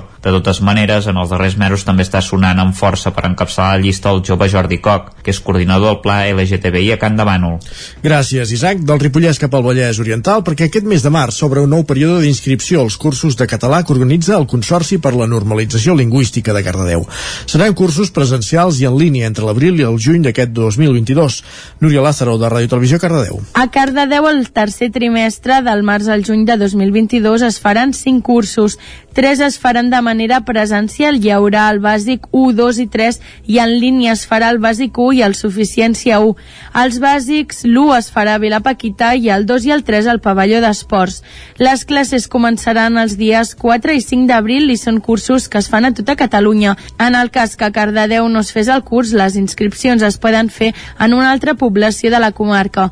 Les persones que no sàpiguen quin és el seu nivell de coneixement de català abans de formalitzar la matrícula hauran de demanar una prova de col·locació. Tenen fins al 15 de març a www.cpnl.cat barra inscripcions i es pot fer en línia o en presencial. Les inscripcions es faran en línia el 28 i 29 de març a inscripcions.cpnl.cat. S'atendran dubtes i consultes telefònicament al 677 255 282 o per correu electrònic a cardedeu arroba cpnl.cat. Per a l'atenció presencial caldrà demanar cita prèvia a l'oficina de català de Cardedeu. Hi ha descomptes per a les persones que estan a l'atur d'un 70% per a jubilats, famílies nombroses i monoparentals i discapacitats d'un 50%. Mig minuts, 9 minuts i mig que volem dir que passen de les 11. N'hem parlat a l'entrevista. Aquest dissabte torna a l'Afers Lego League a la Universitat de Vic. La competició que arriba a la desena edició comptarà amb la participació de 500 joves i es podrà seguir en directe per al Nou TV. Un any més i ja en bandeu, la Universitat de Vic torna a acollir l'Afers Lego League, un projecte i una competició de ciència i tecnologia.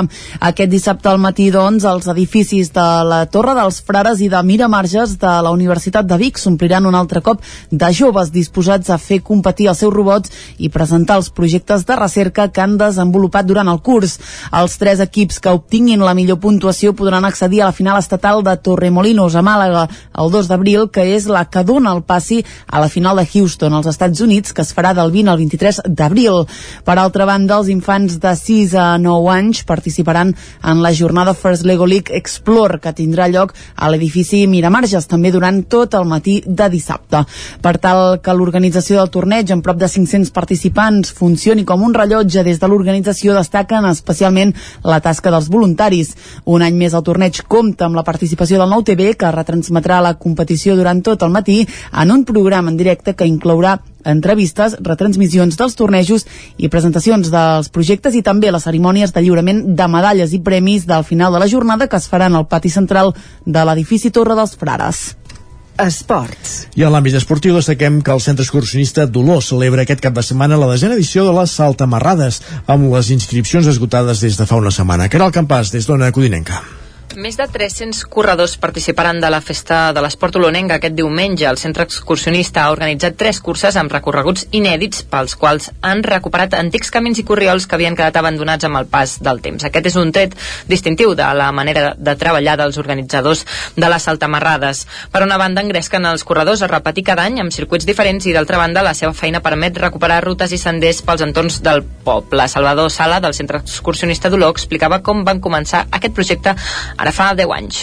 Hem encarat aquest any doncs, eh, molta il·lusió, arribant a la desena edició eh, sense saber que, com arribaríem aquí perquè el primer dia que vam plantejar-nos de muntar una cursa aquí a Oló no? eh, doncs era ben bé una organització entre quatre que dèiem va, hem d'intentar fer una cursa i mira, doncs amb el temps doncs, ha sigut això, no? aquesta desena edició. Aquest any, aprofitant la pandèmia, han eliminat els gots de plàstic dels punts d'avituallament per tal de generar menys residus. Cada corredor haurà de portar el got o cantimplora de casa. Un altre element molt important de la cursa són els voluntaris. En Salvador ens explicava el paper que juguen i quins recorreguts han organitzat aquest any. Realment són totalment necessaris i, i també s'agraeix molt doncs, que, que, que participen bàsicament perquè, clar, tenim molts quilòmetres a, a tindre en control, no? Llavors, tenim tres curses, una que és de 21 quilòmetres, és mitja marató, una altra cursa de 11 i una de 6. Eh, I llavors Eh, clar, tot això doncs, eh, logísticament costa bastant perquè hi ha creuaments de carreteres, hi ha avituallaments... A més de les curses de 21, 11 i 6 quilòmetres també han organitzat unes minimarrades amb el suport del moviment júnior per fer diferents curses pels més petits durant el diumenge al matí. Gràcies, Caral. Acabem aquí aquest repàs informatiu començàvem al punt de les 11 en companyia, com sentíem, de la Caral Campàs, la Clàudia Dinarès, la Núria Lázaro i l'Isaac Muntades. Moment ara de conèixer un, de descobrir el clàssic musical que ens acosta avui en Jaume Espuny al Territori 17.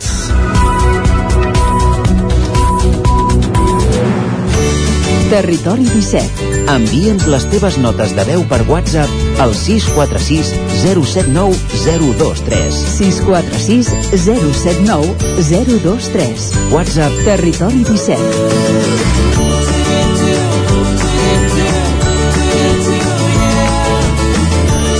Territori 17. Som a Facebook, Twitter i Instagram amb l'usuari Territori 17. Falta un minut perquè sigui un quart de dotze. Avui, els clàssics musicals, paraules eh, majúscules, Blue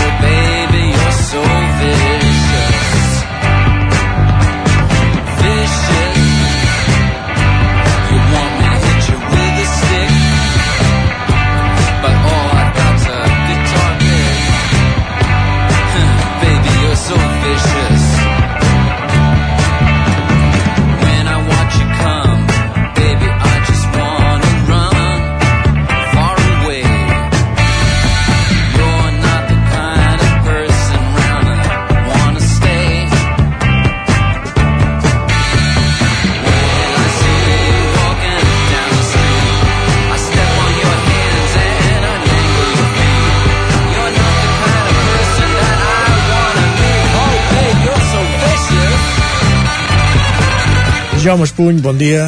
Bon dia. Quina joia que ens has portat avui. Eh, avui fem allò que faig a vegades su- subsecció de la secció Ja. de discos que, que compleixen 50 anys, o sigui, mig segle. I aquest, Transformer, Transformer de Blue Reed, n'és un, l'any 1972. Realment va transformar alguna cosa aquest disc o no? Bueno, ell es transformava, que anava molt maquillat, eh, com que hi havia el glam rock i tot això. Correcte. Però sí, per, per, molta, per la majoria de gent és el millor disc. Per mi és el segon millor disc del... Perquè quin és el primer, El primer per mi és Berlín, que va, va gravar l'any següent. Una altra joia, sí. Sí, sí, sí. Eh, L'any 72 va ser un any de bona collita, eh? eh de tant en tant portarem dos discos de l'any 72, esclar. Molt bé. La, la producció d'aquest disc, a més a més, eh, atenció, és d'en David Bowie, Bowie sí. i el guitarrista Mick Ronson, que és el que toca la guitarra aquí, perquè el David Bowie eh, eh, estava li encantava el Velvet Underground que sí. venia a l'Urrit i va, el va ajudar una mica perquè el primer disc de l'Urrit va passar completament desapercebut eh, estaven sentint vicios viciós i ara sentirem una balada amb orquestra eh, Perfect Day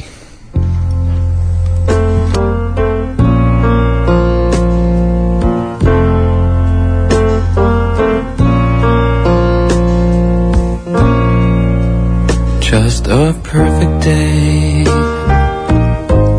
Drink sangria in And then later, when it gets dark, we go home.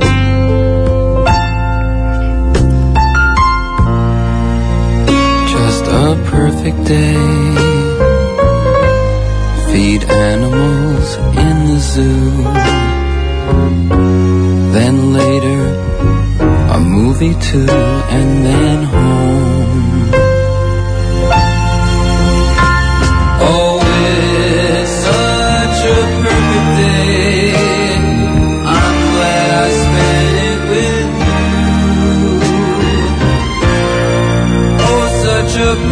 You just keep me hanging on. You just keep me hanging on.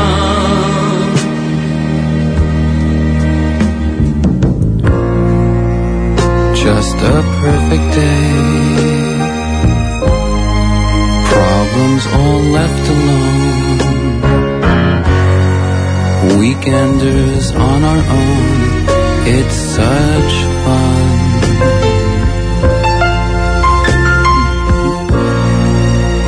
Just a perfect day. You made me forget myself. I thought I was someone else. Avui m'has tocat la fibra eh, amb aquest disc, ja, ja t'ho dic, eh? Aquesta Vaig cançó- recordant cançons com aquesta és... bri- Bueno, aquesta cançó és preciosa Molt. eh, però tot i que no ho fa per l'Urrit no, no te l'imagines eh, com, com un croner com Frank Sinatra per exemple, no? però aquí ho broda, Molt, ho broda. sí, sí. Eh, eh, l'Urrit ja sabem, va morir el 2013, als 71 anys per problemes de, del fetge un càncer, em sembla eh, aquest dimecres passat fa un dia i mig n'hauria fet 80 d'anys Carai. és que eh, això 80 i el- 50 d'aquest disc, o sigui, el va fer amb 30 anys, aquest disc. el Lurrit, Lurrit amb 80 anys, no pot ser, home. Uh, ja ho sabem també, bueno, ja hem comentat abans, era el líder inqüestionable del Velvet Underground, que, que va ser un, un grup de, de la costa est de Nova York, molt diferent dels de la, que en aquells moments hi havia, als anys, finals dels 60 era això, a la costa oest, els hippies, que, tot, els de banda, aquesta banda, sobretot el Velvet Underground, era un grup fosc. eh, De Brooklyn. Sí, feia una mica de por. Uh, però va tenir molt poc èxit, però ara llegeixes qualsevol cosa, un dels grups més influents de la història del rock. I si més no, tothom té al cap la, el plàtan, no? Del, de, El Plàtan, de, sí, de l'Andy el primer disc, del, del disc, sí, sí. dibuixat, eh, pintat per el, el, Andy, el, Harold, el Warhol. Andy, Andy Warhol, sí. Andy Warhol. I eh, on cantava la seva, la xicota, que es deia... Wilco. Molt bé. uh, doncs, parlant de foscor, eh, aquí hi ha una, la, canç, la cançó més famosa d'aquest disc que estem escoltant és Walk on the Wild Side que vol dir passejant per, per la cara salvatge, per la cara, salvatge. sí, salvatge de la vida que el, el Lurrit se'n va fer un tip de passejar-se per la cara salvatge eh? sí, sí, un clàssic aquesta cançó també. Endavant, sí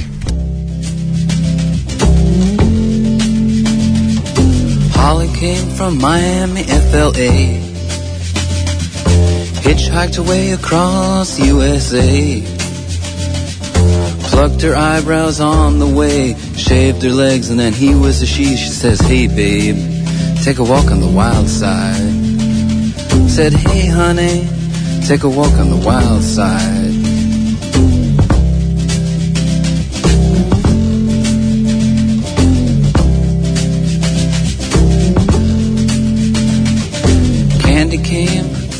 Out on the island.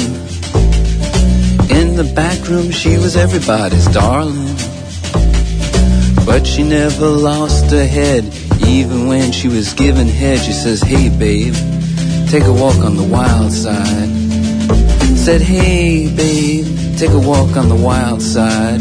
And the colored girls go do do do do do do do do do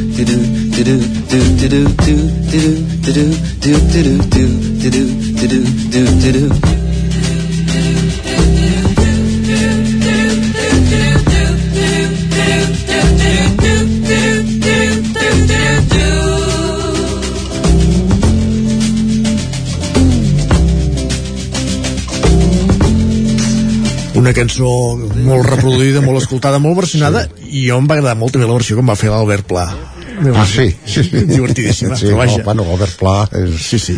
és divertit per definició. Correcte. Eh, aquí em fa gràcia perquè el, en un, quan fa durut el, el diu les noies negres deien durut, durut, durut i després surten les noies. noies, Per cert, eh, una cosa que tampoc es va repetir més, em sembla, eh, en cap disc del, del Lurrit és que hi hagués un cor de, de noies. Moltes cançons d'aquí, doncs, se senten, no?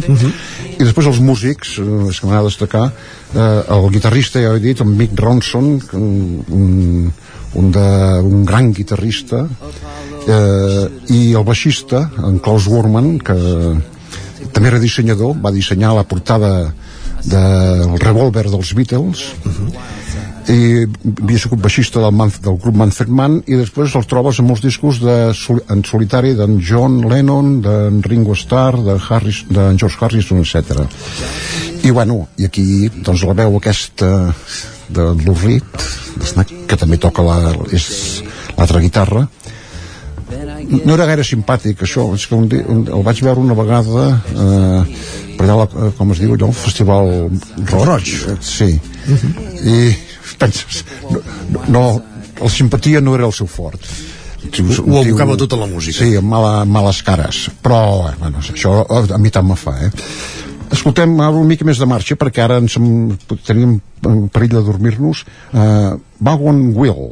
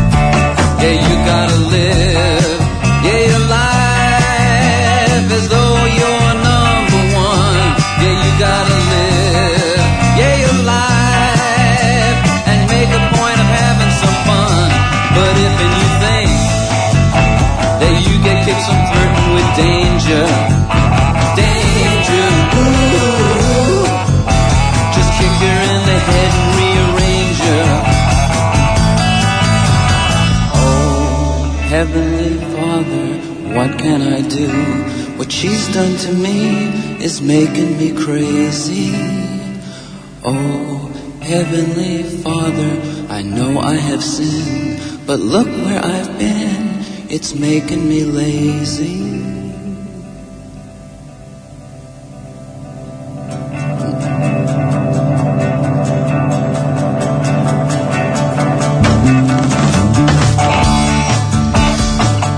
rima, rima uh, relatiu, eh? Sí que és més que una balada, però vaja. Sí, sí, exacte. O no, i ara, mm, per acabar... mm, Sí? És, és una cançó, la cançó que tanca el disc, doncs també tancarem la secció. La secció. Eh, és que a mi m'encanta, es diu eh, Good Night Ladies, bona nit senyores, i amb, un, amb una tuba, un trombó per aquí, eh, molt agradable. Va, Doncs amb l'Urrit acabem. Jaume, moltes gràcies. fins la setmana que ve. Bon, bon cap de setmana i bona setmana. Ladies, Gràcies. good night.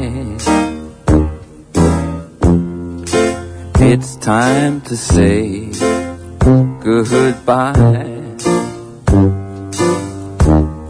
Let me tell you now. Good night, ladies. Ladies, good night. It's time to say goodbye.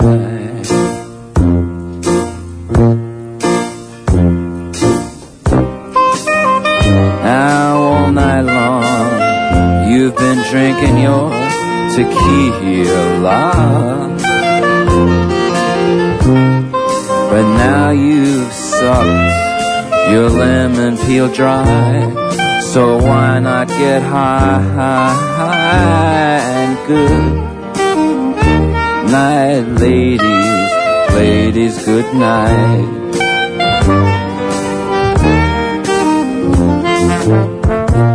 Good night, ladies. All ladies, good night. It's time say goodbye. El nou FM, la ràdio de casa, al 92.8. Al restaurant Xavito Gastro de Vic hi trobaràs una cuina mediterrània i de mercat amb gran varietat de plats, amb arrossos, carn o peix fresc de la llotja cada dia. Vine a dinar de dimarts a divendres i prova el nostre menú diari per només 15 euros o a les nits de dijous a diumenge tastar el nostre menú degustació amb arrossos i tapes per 25 euros. Restaurant Xamito Gastro. Ens trobaràs al carrer Callnou número 9 de Vic i al telèfon 93 094 1172 o al 747 42 92 58. El racó de León ja és primavera. Gaudeix de la nostra terrassa. Vine a tastar les xuletilles de lechal a la brasa amb una bona amanida o el xuletón de vedella gallega. No et pots perdre el nostre lechado de Castilla al forn o el cochinillo a l'estil de Segovia. Tot acompanyat del millor celler, al menjador o fora la terrassa. Descobreix la millor cuina de Lleó sense moure't de casa. Vine amb la família, els amics, la parella o sol. T'encantarà. El racó de León, cuina tradicional lleonesa i de mercat. Som al carrer Torelló número 35 de Vic. Per reserves, telèfon 93 889 1950. El racó de León, una cuina diferent. Vols aprendre anglès i viure una experiència inoblidable? Estades per a joves a Irlanda, classes d'anglès i un munt d'activitats, allotjats en família o en residència i convivint sempre amb joves d'altres països. També classes per adults i programes per a tota la família. Tures Language and Travel, especialistes en Irlanda des de 1994. Més informació a tures.cat. La Clínica Dental Sant Fortià hi trobareu un equip professional que treballa de manera coordinada per oferir un tracte sensible i humà.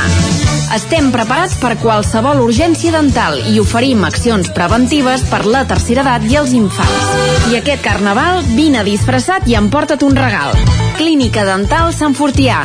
Ens trobareu a la plaça Sant Fortià número 9 de Torelló al 93 859 6408 i al 690 92 51 99.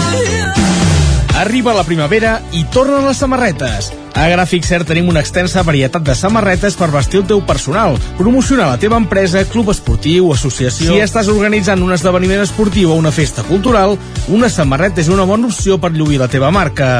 Ja ho saps, si el que necessites per la teva promoció és una samarreta, Gràfic Cert és el teu proveïdor.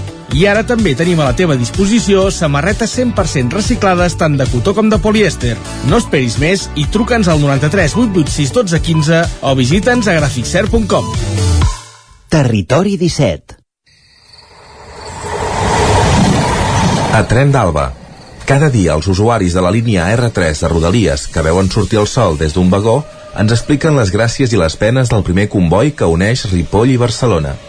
Benvinguts a Tren d'Alba. Ara fa poc més d'una setmana va haver-hi un ensurt important en un tren de la línia R3 al seu pas per Manlleu. Concretament en remuntem al 23 de febrer al vespre, quan uns vàndals van apedregar l'últim tren del dia que circulava en sentit Puigcerdà. Els incívics van trencar quatre vidres i un dels individus, que anava dins del vagó, va activar l'alarma del tren i va fer que es parés a les vies. Va ser en aquest moment quan els altres van aprofitar per llançar més pedres. Per sort, els vidres són de seguretat i no es va provocar cap trencadissa i cap persona va resultar ferida. De fet, el tren va seguir sense més problemes. Ara, hi havia una parella d'ancians que estava asseguda al costat de les finestres que, segons un dels passatgers que va explicar el relat, no va patir un infart de miracle. S'ha d'acabar amb aquesta impunitat en el vandalisme, que no para de créixer en els trens, sobretot en els nocturns que van en direcció nord i que no gaudeixen de tanta vigilància com els altres. Va, ens retrobem dilluns amb més històries del tren i de la R3.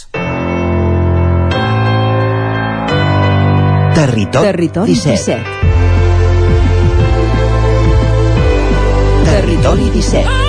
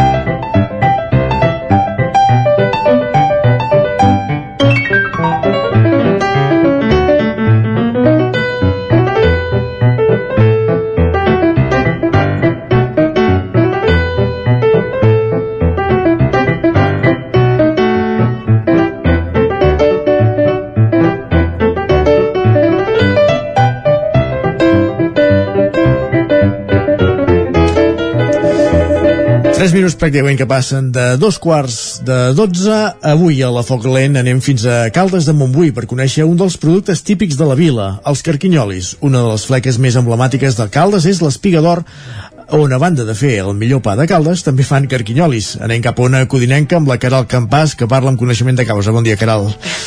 Bon dia, sí, parlo, parlo amb coneixement de causa perquè tot i estar a la ràdio a una codinenca, jo sóc calderina de Caldes de Montbui eh, i bé, avui us volia portar a donar a conèixer l'espiga d'or i per, per conèixer-ho eh, tenim amb, a l'altra banda de la línia telefònica les dues responsables de la fleca, que són germanes, l'Ester i la Meritxell Ventura Falsina. Bon dia a totes dues. Hola, bon dia. Bon dia. Uh, a l'Espiga d'Or Calfalzina teniu dos locals a Caldes, feu pa, però també carquinyolis, que és un dels productes típics calderins, però abans de parlar-ne, expliqueu-nos l'origen d'aquest negoci familiar. Tinc entès que sou la tercera generació, és així?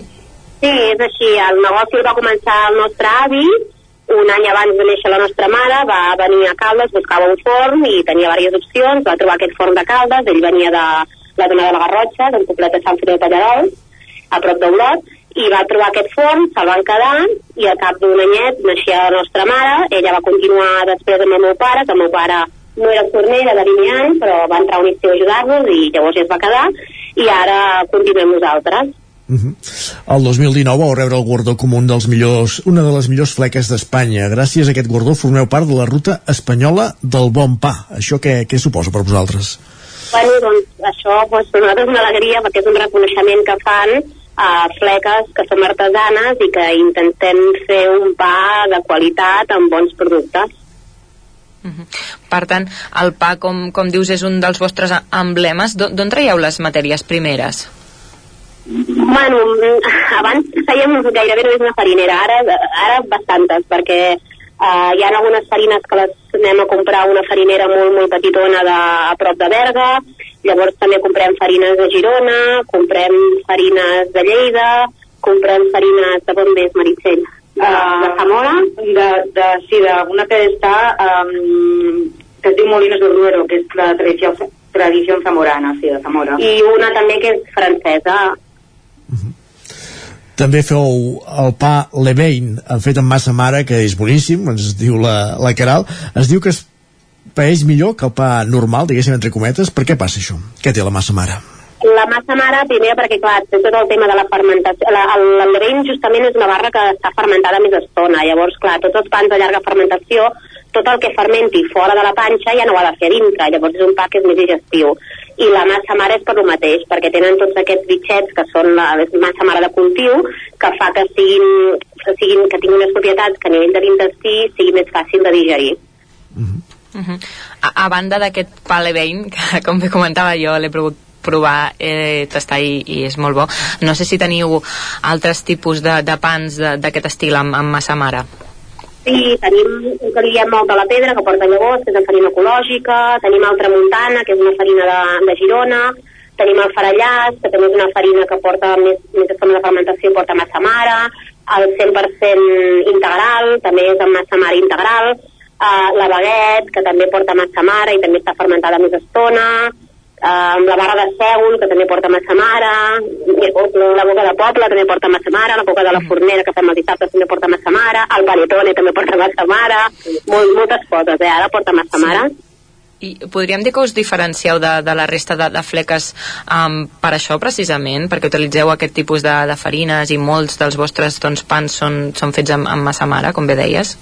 I bueno, també perquè nosaltres, al ser una fleca petita, et pots permetre el luxe de fer coses més artesanes. Quan, quan ja has de produir a, a l'engròs, ja tot el tema artesà es perd pel camí. Llavors nosaltres, com som una fleca de poble que intentem no fer grans quantitats i fem eh, amassades petites, llavors et pots dedicar més al producte, el pots mimar més, el pots cuidar més. Bueno, I per tema infraestructura. I, també. Bueno, també infraestructura, eh, som el que som, no, no, no, no podem fer més, però sí que clar que, que, que potser sí que funcionem així per, perquè ens ha agradat quedar-nos doncs, de, a la manera de treballar doncs, d'una doncs, manera artesana i amb bons productes. Sí, sí. De productes típics calderins feu la calderina, la llamborda, el farallàs, la romana i el carquinyol. I ara us demanarem que ens, que ens descriviu una mica què és cada un d'aquests productes, però quedem-nos primer amb el, amb el carquinyoli. Quina és la recepta secreta d'aquest carquinyoli? És complicat de fer? Bueno, jo no tinc problema per donar receptes. O sigui, el carquinyoli porta farina, sucre, ous, llar de porc, eh, llimona, canyella i, a veure, que no em deixi res, anís, moscatell i llavors l'ametlla. Nosaltres, jo barrejo l'ametlla llargueta amb pell i la marcona uh -huh. I, i ja està, és bàsicament això i és un amassat, es fan uns, uns pastons de petitonets de 200 grams s'estiren, es couen al forn i quan surten es van tallant mentre encara no està acabat de coure perquè si no es trenquen ens, ha, ens has dit els ingredients el que, el que no tenim la resta de mortals són les arts i les bones mans per, per fer-los, no entenc? Sí, bueno, són, és molt temps de pràctica i de fer-ho mm, són molts anys ja però bueno, que, jo, que tampoc no és difícil fer carquinyolis és més potser l'hora de tallar-los que, que, que costa més tallar-los que no pas fer-los. Mm. Perquè què s'ha de tenir en compte no? a l'hora de, de tallar-los o de, de fer la massa? Perquè jo personalment sí que tinc una tieta que ha intentat fer-los i li, li costa bastant trobar el punt. Bueno, el carquinyoli ha d'estar una hora, una hora, una hora i deu al forn, més o menys, a temperatura baixa, i llavors no es pot treure tot de cop la, el carquinyoli. Es van traient les llaunes una amb una, perquè si tu el treus tot de cop, es trava i es queda dur per això diuen dur com un carquinyol, perquè al moment eh, llavors ja no pots tallar-ho, s'ha de tallar quan està encara un pèl duet. Uh -huh. Parlant d'aquests altres productes típics que teniu, la calderina, la llamborda, el farallàs, la romana, ens podeu explicar més o menys què és cada un pels que no som de Caldes i, o no ho coneixem? Mira, la llamborda és un pa que faig que simula pues, això, la llamborda típica de Caldes, la d'Uquí, mm. i el faig amb, amb, un carbó, amb, sí, amb carbó actiu perquè agafi el color aquest gris també porta massa mare i ho faig amb una farina ecològica.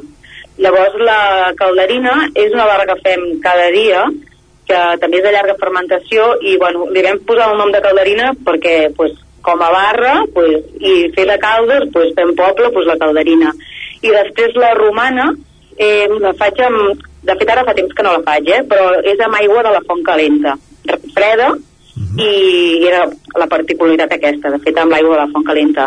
I després, què m'has dit El més? frellàs, m'ha dit. Sí. Bueno, jo he ficat nom d'honor al gegant de Caldes. Ens agrada ficar noms que tinguin a veure amb el poble.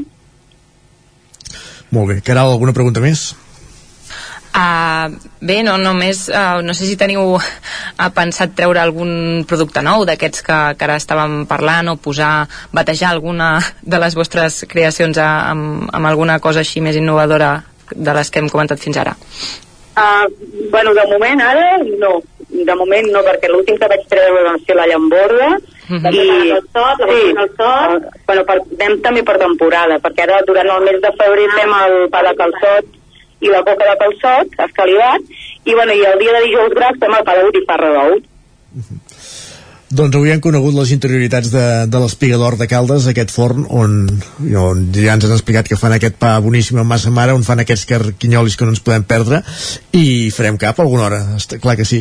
Gràcies a l'Ester i la Meritxell Ventura per ser avui amb nosaltres al Territori 17 a la Foc Lent. Bon dia. Gràcies a vosaltres. Adéu-siau. Gràcies, Caral, també per acompanyar-nos en aquesta secció a la Foc Lent avui divendres i fer-nos descobrir doncs, aquest racó de, de Caldes de Montbui, aquestes dues fleques de, de l'espigador amb aquests productes que, que que hem sentit excel·leixen. Mm. I tant, us convido a tots a, a provar-ho. Fins ara. Fins ara, i el Territori 17 que avança, que continua, anem ara a fer un repàs a l'agenda del cap de setmana.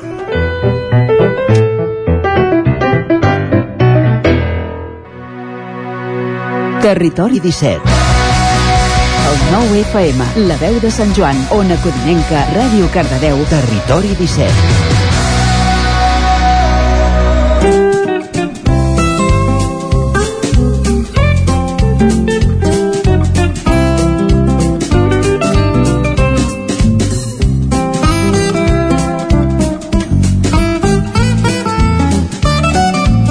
Dos minuts i mig perquè siguin tres quarts de dotze i al territori 17 que avancem, com dèiem, anem a conèixer l'agenda d'actes dels propers dies a les nostres comarques, un recorregut que fem, una roda que fem cada divendres a aquesta hora per les diferents emissores que cada dia fan possible el territori 17. Comencem aquest recorregut als estudis de Ràdio Televisió Cardeu.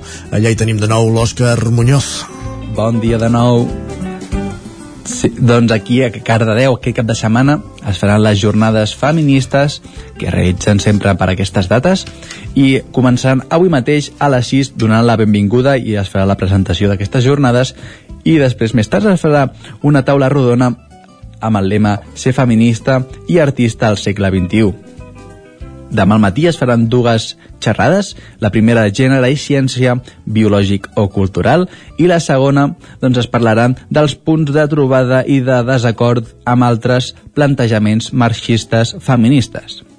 A la tarda es parlarà de la pressió estètica que hi ha a les xarxes socials com Instagram, els reflexes irreals que hi podrem trobar en aquestes aplicacions, i després, més tard, un taller d'autodefensa feminista, i aquestes jornades acabarien diumenge al matí amb el taller Ecofeminisme, transicions per un altre model de feminisme i acabaria a les 12 del migdia amb un open blog organitza la fusteria, el boulder de la fusteria, hi haurà una jornada per escalar per totes aquestes dones que vulguin escalar, doncs acabarà la jornada feministes de Cardedeu amb aquesta activitat esportiva i també diumenge a Cardedeu de 10 a 12 hi haurà el Fora Stocks a la Tèxtil Rasa.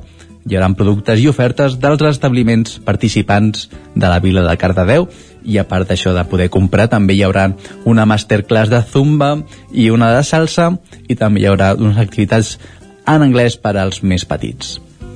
I acabem a Granollers, on avui també ha començat a les 9 al mercat, de, al mercat dels encants solidaris de l'Assemblea d'Aturats, que també hi serà demà dissabte a les 9 del matí. Demà dissabte hi haurà el mercat de productes ecològics i de proximitat durant tot el matí a la plaça de la Corona. El mercat artesà de productes naturals també comença a les 9. El mercat d'artesans del Vallès, al carrer amb cel claver tot el dia de 9 a 9 i acabem amb el mercat del disc durant tot el dia a la plaça Lluís Perpinyà. Perfecte, Òscar, moltíssimes cap de gràcies. setmana. Bon cap de setmana. Moltíssimes gràcies, Òscar. I com heu sentit ja, començant-nos a fer ressò dels actes a l'entorn del 8 de març, el Dia de les Dones, que, cele- que es commemora el proper dimarts, però que, òbviament, ja hi han actes commemoratius aquest cap de setmana. Això era els estu- eh, Ràdio Televisió Cardedeu. Anem fins a una Codinenca. Tornem fins a una Codinenca. Ens hi espera de nou la Caral Campàs per repassar l'agenda. Bon dia de nou, Caral. Mm. Hola, bon dia de nou. Eh, mireu, començo per Caldes de Montbui.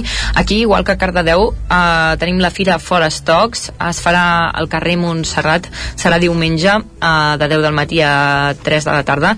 I bé, to totes les botigues doncs, trauran al carrer eh, els seus productes. Eh, I a banda també es podran aconseguir tiquets gratuïts per accedir als jocs infantils que també hi haurà instal·lats. Paral·lelament també hi haurà mostra castellera de 12 a 1 i eh, tant els castellers com els geganters faran tallers infantils també per promoure la cultura popular. Um, I a Caldes de Montbui també tenim una cita esportiva, una cita que us vam poder doncs, avançar en algun de, dels butlletins i és que eh, la Torre Marimón acull el 8è Cross Club Atlètic Calderí que es divideix en dues proves, el 12è Campionat de Catalunya de cross curt individual i el 20è Campionat de Catalunya de cross curt per equips. Serà aquest diumenge a la zona esportiva de la Torre Marimón durant al matí.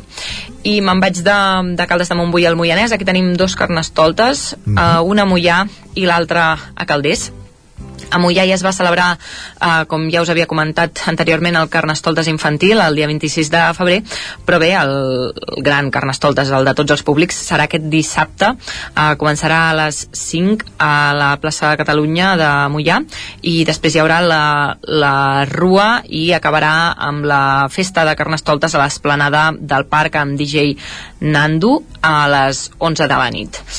Després, eh, on també tenim carnestoltes és a Calders. Eh, dissabte també a la dos quarts de cinc començarà la plaça Nova i la batucada a Pujats de Tot doncs, amenitzarà la rua pels carrers del poble que acabarà al pavelló on també hi haurà berenar de pa, coca i xocolata i acabo amb algunes qüestions de Sant Feliu de Codines. Uh -huh. um, aquí tenim el centre excursionista que organitza una xerrada avui mateix, a partir de les 8 del vespre al centre excursionista, al local del centre excursionista de Sant Feliu de Codines on Jesús Carnens parlarà de les muntanyes que ens envolten. Després tenim Enterro de la Sardina uh, serà aquest dissabte cap a quarts de 8 del vespre.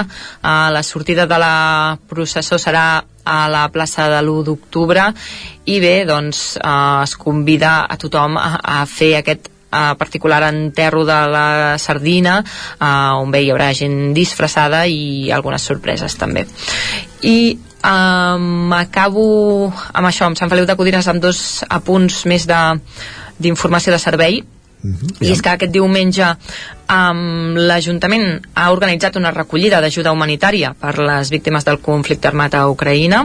Uh, doncs això, de 10 a 1 a l'antiga farmàcia s'obrirà com a punt de recollida per recollir material per enviar al poble d'Ucraïna. I hi ha un altre apunt així més de servei que és que aquest dissabte la plataforma mm, per la sanitat pública de Sant Feliu de Codines ha convocat aquest dissabte a les 11 un esmorzar popular a la plaça Josep Humbert Ventura per demanar l'obertura del nou cap del, del poble que bé, ja s'havia d'inaugurar l'any passat eh, s'ha anat retardant eh, es va comentar des de les autoritats sanitàries que s'inauguraria aquest mes de març i de moment no hi ha hagut cap indici de que això sí, succeeixi eh, i bé, doncs han convocat aquest, aquest esmorzar popular per, per demanar això. Molt bé, la, la plaça Josep Ventura és una plaça d'àpats, divers escudella i demà esmorzar, eh? Sí. Ja ho veig que... que sí, és una plaça d'àpats, sí, és, és el centre neuràlgic, el rovell de la U, on, on s'hi cou tot sempre. Molt bé, mai millor dit, s'hi cou tot. Gràcies, Caral, bon cap de setmana. Bon cap de setmana. Adéu. I continuem aquest recorregut a la veu de Sant Joan amb l'Isaac Muntades, bon dia. Bon dia. Uh, mireu, doncs abans d'entrar pròpiament en la matèria d'oci, sí que us vull parlar d'una referència cultural, doncs us portem una mica de males notícies uh, en forma de cancel·lacions, Vaja. i és que el cicle d'hivern-primavera del Set Teatre Centre, que ja us vam anunciar que hi havia doncs, un espectacle aquest cap de setmana, doncs ha, ha hagut de suspendre precisament aquest espectacle de Pere Arquilloé i també el dels Beat Boys que feien doble actuació el 2 d'abril. Els dos espectacles restants, eh, en què hi havia una pianista i també el doctor Eduard Estivill, sí que es mantenen, uh, la pianista Laura Andrés uh, és la que, uh, el primer espectacle que sí que es podrà fer i el motiu, segons un comunicat del SA Teatre Centre d'aquestes cancel·lacions és que hi ha una manca de resposta per part del públic per arribar doncs, a cobrir eh, els costos de les despeses que comporta tot, tots aquests espectacles mhm. -huh. i que malauradament no podran eh, donar continuïtat a aquests cicles Carai. per tant segurament doncs, aquests cicles s'acabaran a, a Sant Joan de les Abadeses un cop finalitzi l'espectacle del doctor Estivill eh, l'import de les entrades cancel·lades ja està sent retornat a, a través de Code Tickets i ara sí entrem en les activitats de, del Dia de la Dona pròpiament dit Uh, dels del dimarts en parlarem als informatius de dilluns, però sí que us vull destacar les activitats que es faran aquest cap de setmana, perquè ja n'hi ha algunes relacionades amb aquesta diada. Per exemple, dissabte a Ripoll, tot el matí a la plaça de la Lira es farà un cercle de salut per a dones lesbianes i trans, que començarà a dos quarts d'onze, i serà un taller impartit per una llevadora del CAP. Tot seguit també hi haurà una assessoria col·lectiva de defensa laboral i problemes comuns de les dones, a més de posar uh, una paradeta al mercat per vendre marxandatge. I a Can Davano els actes divideixen en aquest cap de setmana i el següent i comencen dissabte amb un seminari de defensa personal per a dones que es portarà a terme al Centre Cívic La Confiança i que anirà a càrrec de l'advocada i especialista en temes de violència de gènere Laia Garcia. Serà de 10 del matí a les 2 del migdia i és gratuït i obert a tothom. I al vespre es farà l'activitat recorregut pels espais de la por a càrrec del voluntari de la regidoria de col·lectius vulnerables Jordi Coc que consistirà a resseguir tots aquells punts del municipi que per un motiu o altre són un espai on les dones tenen por de passar-hi de nit i, i bé, l'activitat començarà doncs, a les 8 del vespre. També dir-vos que diumenge a, a la devesa del Pla de Ripoll de 9 a, a 2 hi haurà els encants de Ripoll amb mercat d'articles de segona mà, amb artesania, antiguitats, música, llibres, eh, mobles, joies, una mica de tot, però en aquesta edició també comptarà amb un taller participatiu gratuït de 11 a 1 eh, en què reciclarà la vostra samarreta i la podreu convertir doncs, en una pràctica bossa i aquestes més o menys són les activitats eh, d'oci que tenim aquest cap de setmana al Ripollès. Gràcies Isaac i lamentem aquesta situació del SAT Teatre Centre que, que hagi de suspendre activitats per falta de quòrum. Veiem, veurem com anirà evolucionant tot plegat. Això sí, bon cap de setmana i parlem dilluns de, de la resta d'activitats. I acabem aquest recorregut, aquesta roda als estudis del 9FM a Vic per repassar l'agenda del cap de setmana a la comarca d'Osona amb en Miquel R. Bon dia, Miquel. Molt bon dia com tenim això? Doncs com tenim mira, cosa? tenim que reprenem, eh? anem tornant a aquesta, aquesta nova normalitat amb el calendari de fires de la comarca que el mes de març l'obra indefectiblement Sant Bartomeu del Grau és desena edició de la Fira de la Natura i Muntanya això és, de fet, comença aquest divendres mateix ja, hi ha uns primers preàmbuls, eh, una obra de teatre ai cony, així amb, amb, un, amb un monòleg amb clau feminista molt, molt propi o molt propici pel, per la jornada que ens estem acostant del, del 8 de març. Dissabte hi ha una trobada d'acordionistes i diumenge el dia central de la fira de la qual destacaria del programa la sanificació de Balots, serà la cinquena vegada que, que es representa aquesta sanificació que està inspirada en uns fets reals del segle XVII, viscuts a, eh, al poble, eh, una, una cosa que ara s'està estilant, eh, ho estan fent a Vic, ho van fer, ho havien fet també ho han fet a Vic amb la, amb la sala de l'Alta Riba, s'ha fet a Tavernols i per tant això de buscar alguna història local i per tant portar-ho una mica al terreny propi eh, amb, amb actors a més a més del poble. Això se'n fan dues representacions actuacions diumenge a dos quarts de 12 i a les 12 per tant pot ser un bon moment per treure el cap i després acabar de passejar perdó, per la fira uh, mes de març parlat perdó parlàvem de tòfones, ara sí. parlem d'un altre producte molt, molt, molt de mes de març, que són calçots, i quan parlem de calçots i mes de març, Sant Vicenç de Torelló. Cert, sí. 34a edició Gai- de la gairebé, calçot... gairebé és tan clàssic que Sant Vicenç Cavalls, això dels calçots, eh? Correcte, eh? De fet ho van arrencar, eh? Inicialment hi havia una persona de Valls que venia aquí, que va estar-hi molts anys, llavors ho van substituir. Ara ja, diguéssim que tot és més de proximitat, però eh, amb la mateixa... De fet, eh, la calçotada probablement l'any passat no es va ni suspendre, es va canviar el format, simplement, eh, la gent ho recollia i s'ho emportava a casa, aquest any podem mantenir calçotada, això serà a partir de les 11 del matí ja començaran a lliurar tiquets i durant la resta de matí doncs hi haurà animació, hi haurà doncs, eh, el, el, el pas dels, dels gegants, la sortida de gegants, una actuació de la Coreal Ju- Lluriana Jove i sempre fan co- coincidir també amb aquest apunt solidari eh, de, de la capta de sang que hi haurà durant tot el matí al pavelló. Més tornades a la normalitat, doncs a Torelló, les jornades culturals andaluses, aquest sí. dissabte a la tarda, que es traslladen al Sirvianum. Hi han de 8 a 9 actuacions diferents entre formacions de ball i cant, de l'agrupació local, però també d'algunes altres agrupacions de la comarca. Això, recordem-ho, és al Teatre Sirvianum a partir de les 7 de la tarda i amb entrada gratuïta i qui vulgui veure una cosa curiosa porta una altra cosa singular és una exposició de dinosaures animats eh, que fan el recinte final del Sucre dissabte i diumenge eh, eh, ens, ens anuncien que hi ha una trentena d'això, eh, d'animals inclòs el, el mític Tyrannosaurus Rex alguns de, dels quals això amb mobilitat, a més a més hi haurà també informació paral·lela sobre la vida d'aquesta fauna prehistòrica molt aconsellable per anar-hi en família dissabte i diumenge de 10 a 2 del matí i de 4 a 9 de la tarda. Dinosaures al sucre, molt bé. i finalment ja per acabar recordar que en, ens parlava la Caral del Carnaval de Mollà n'hi ha també un de més petit a Gurb aquest dissabte a la tarda també.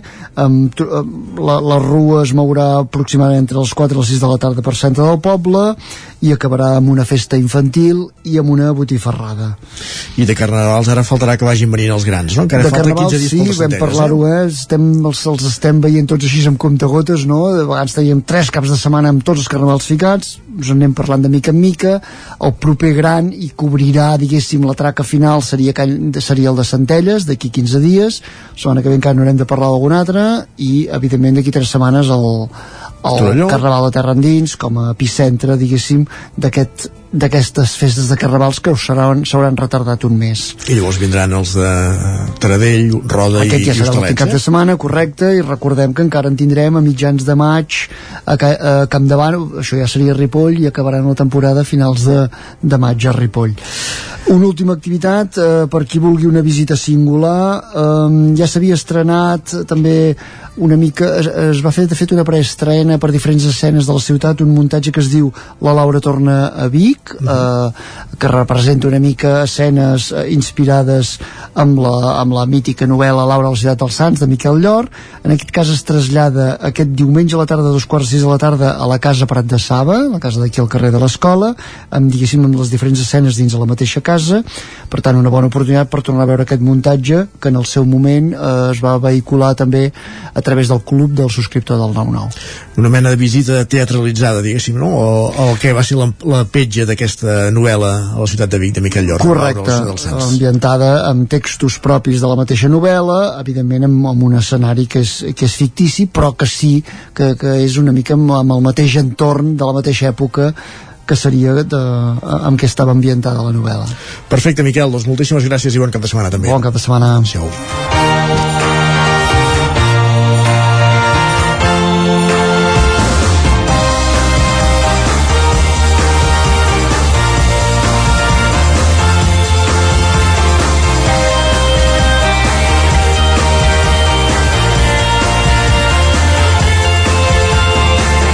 I, òbviament, ens ho indica la sintonia, el Territori 17 arriba al final, al final d'avui, divendres, i al final de la setmana. Us hem acompanyat avui des de les 9 del matí Clàudia Dinarès, Pepa Costa, Núria Lázaro, Isaac Muntades, Guillem Sánchez, Guillem Freixa, Esther Rovira, Jaume Espuny, Òscar Muñoz, Caral Campàs, Miquel R, Jordi Sunyer i qui us parla Isaac Moreno. I tornem dilluns. Bon cap de setmana. Territori 17, un magazín del nou FM. La veu de Sant Joan, Ona Codinenca i Ràdio Cardedeu amb el suport de la xarxa. El nou FM.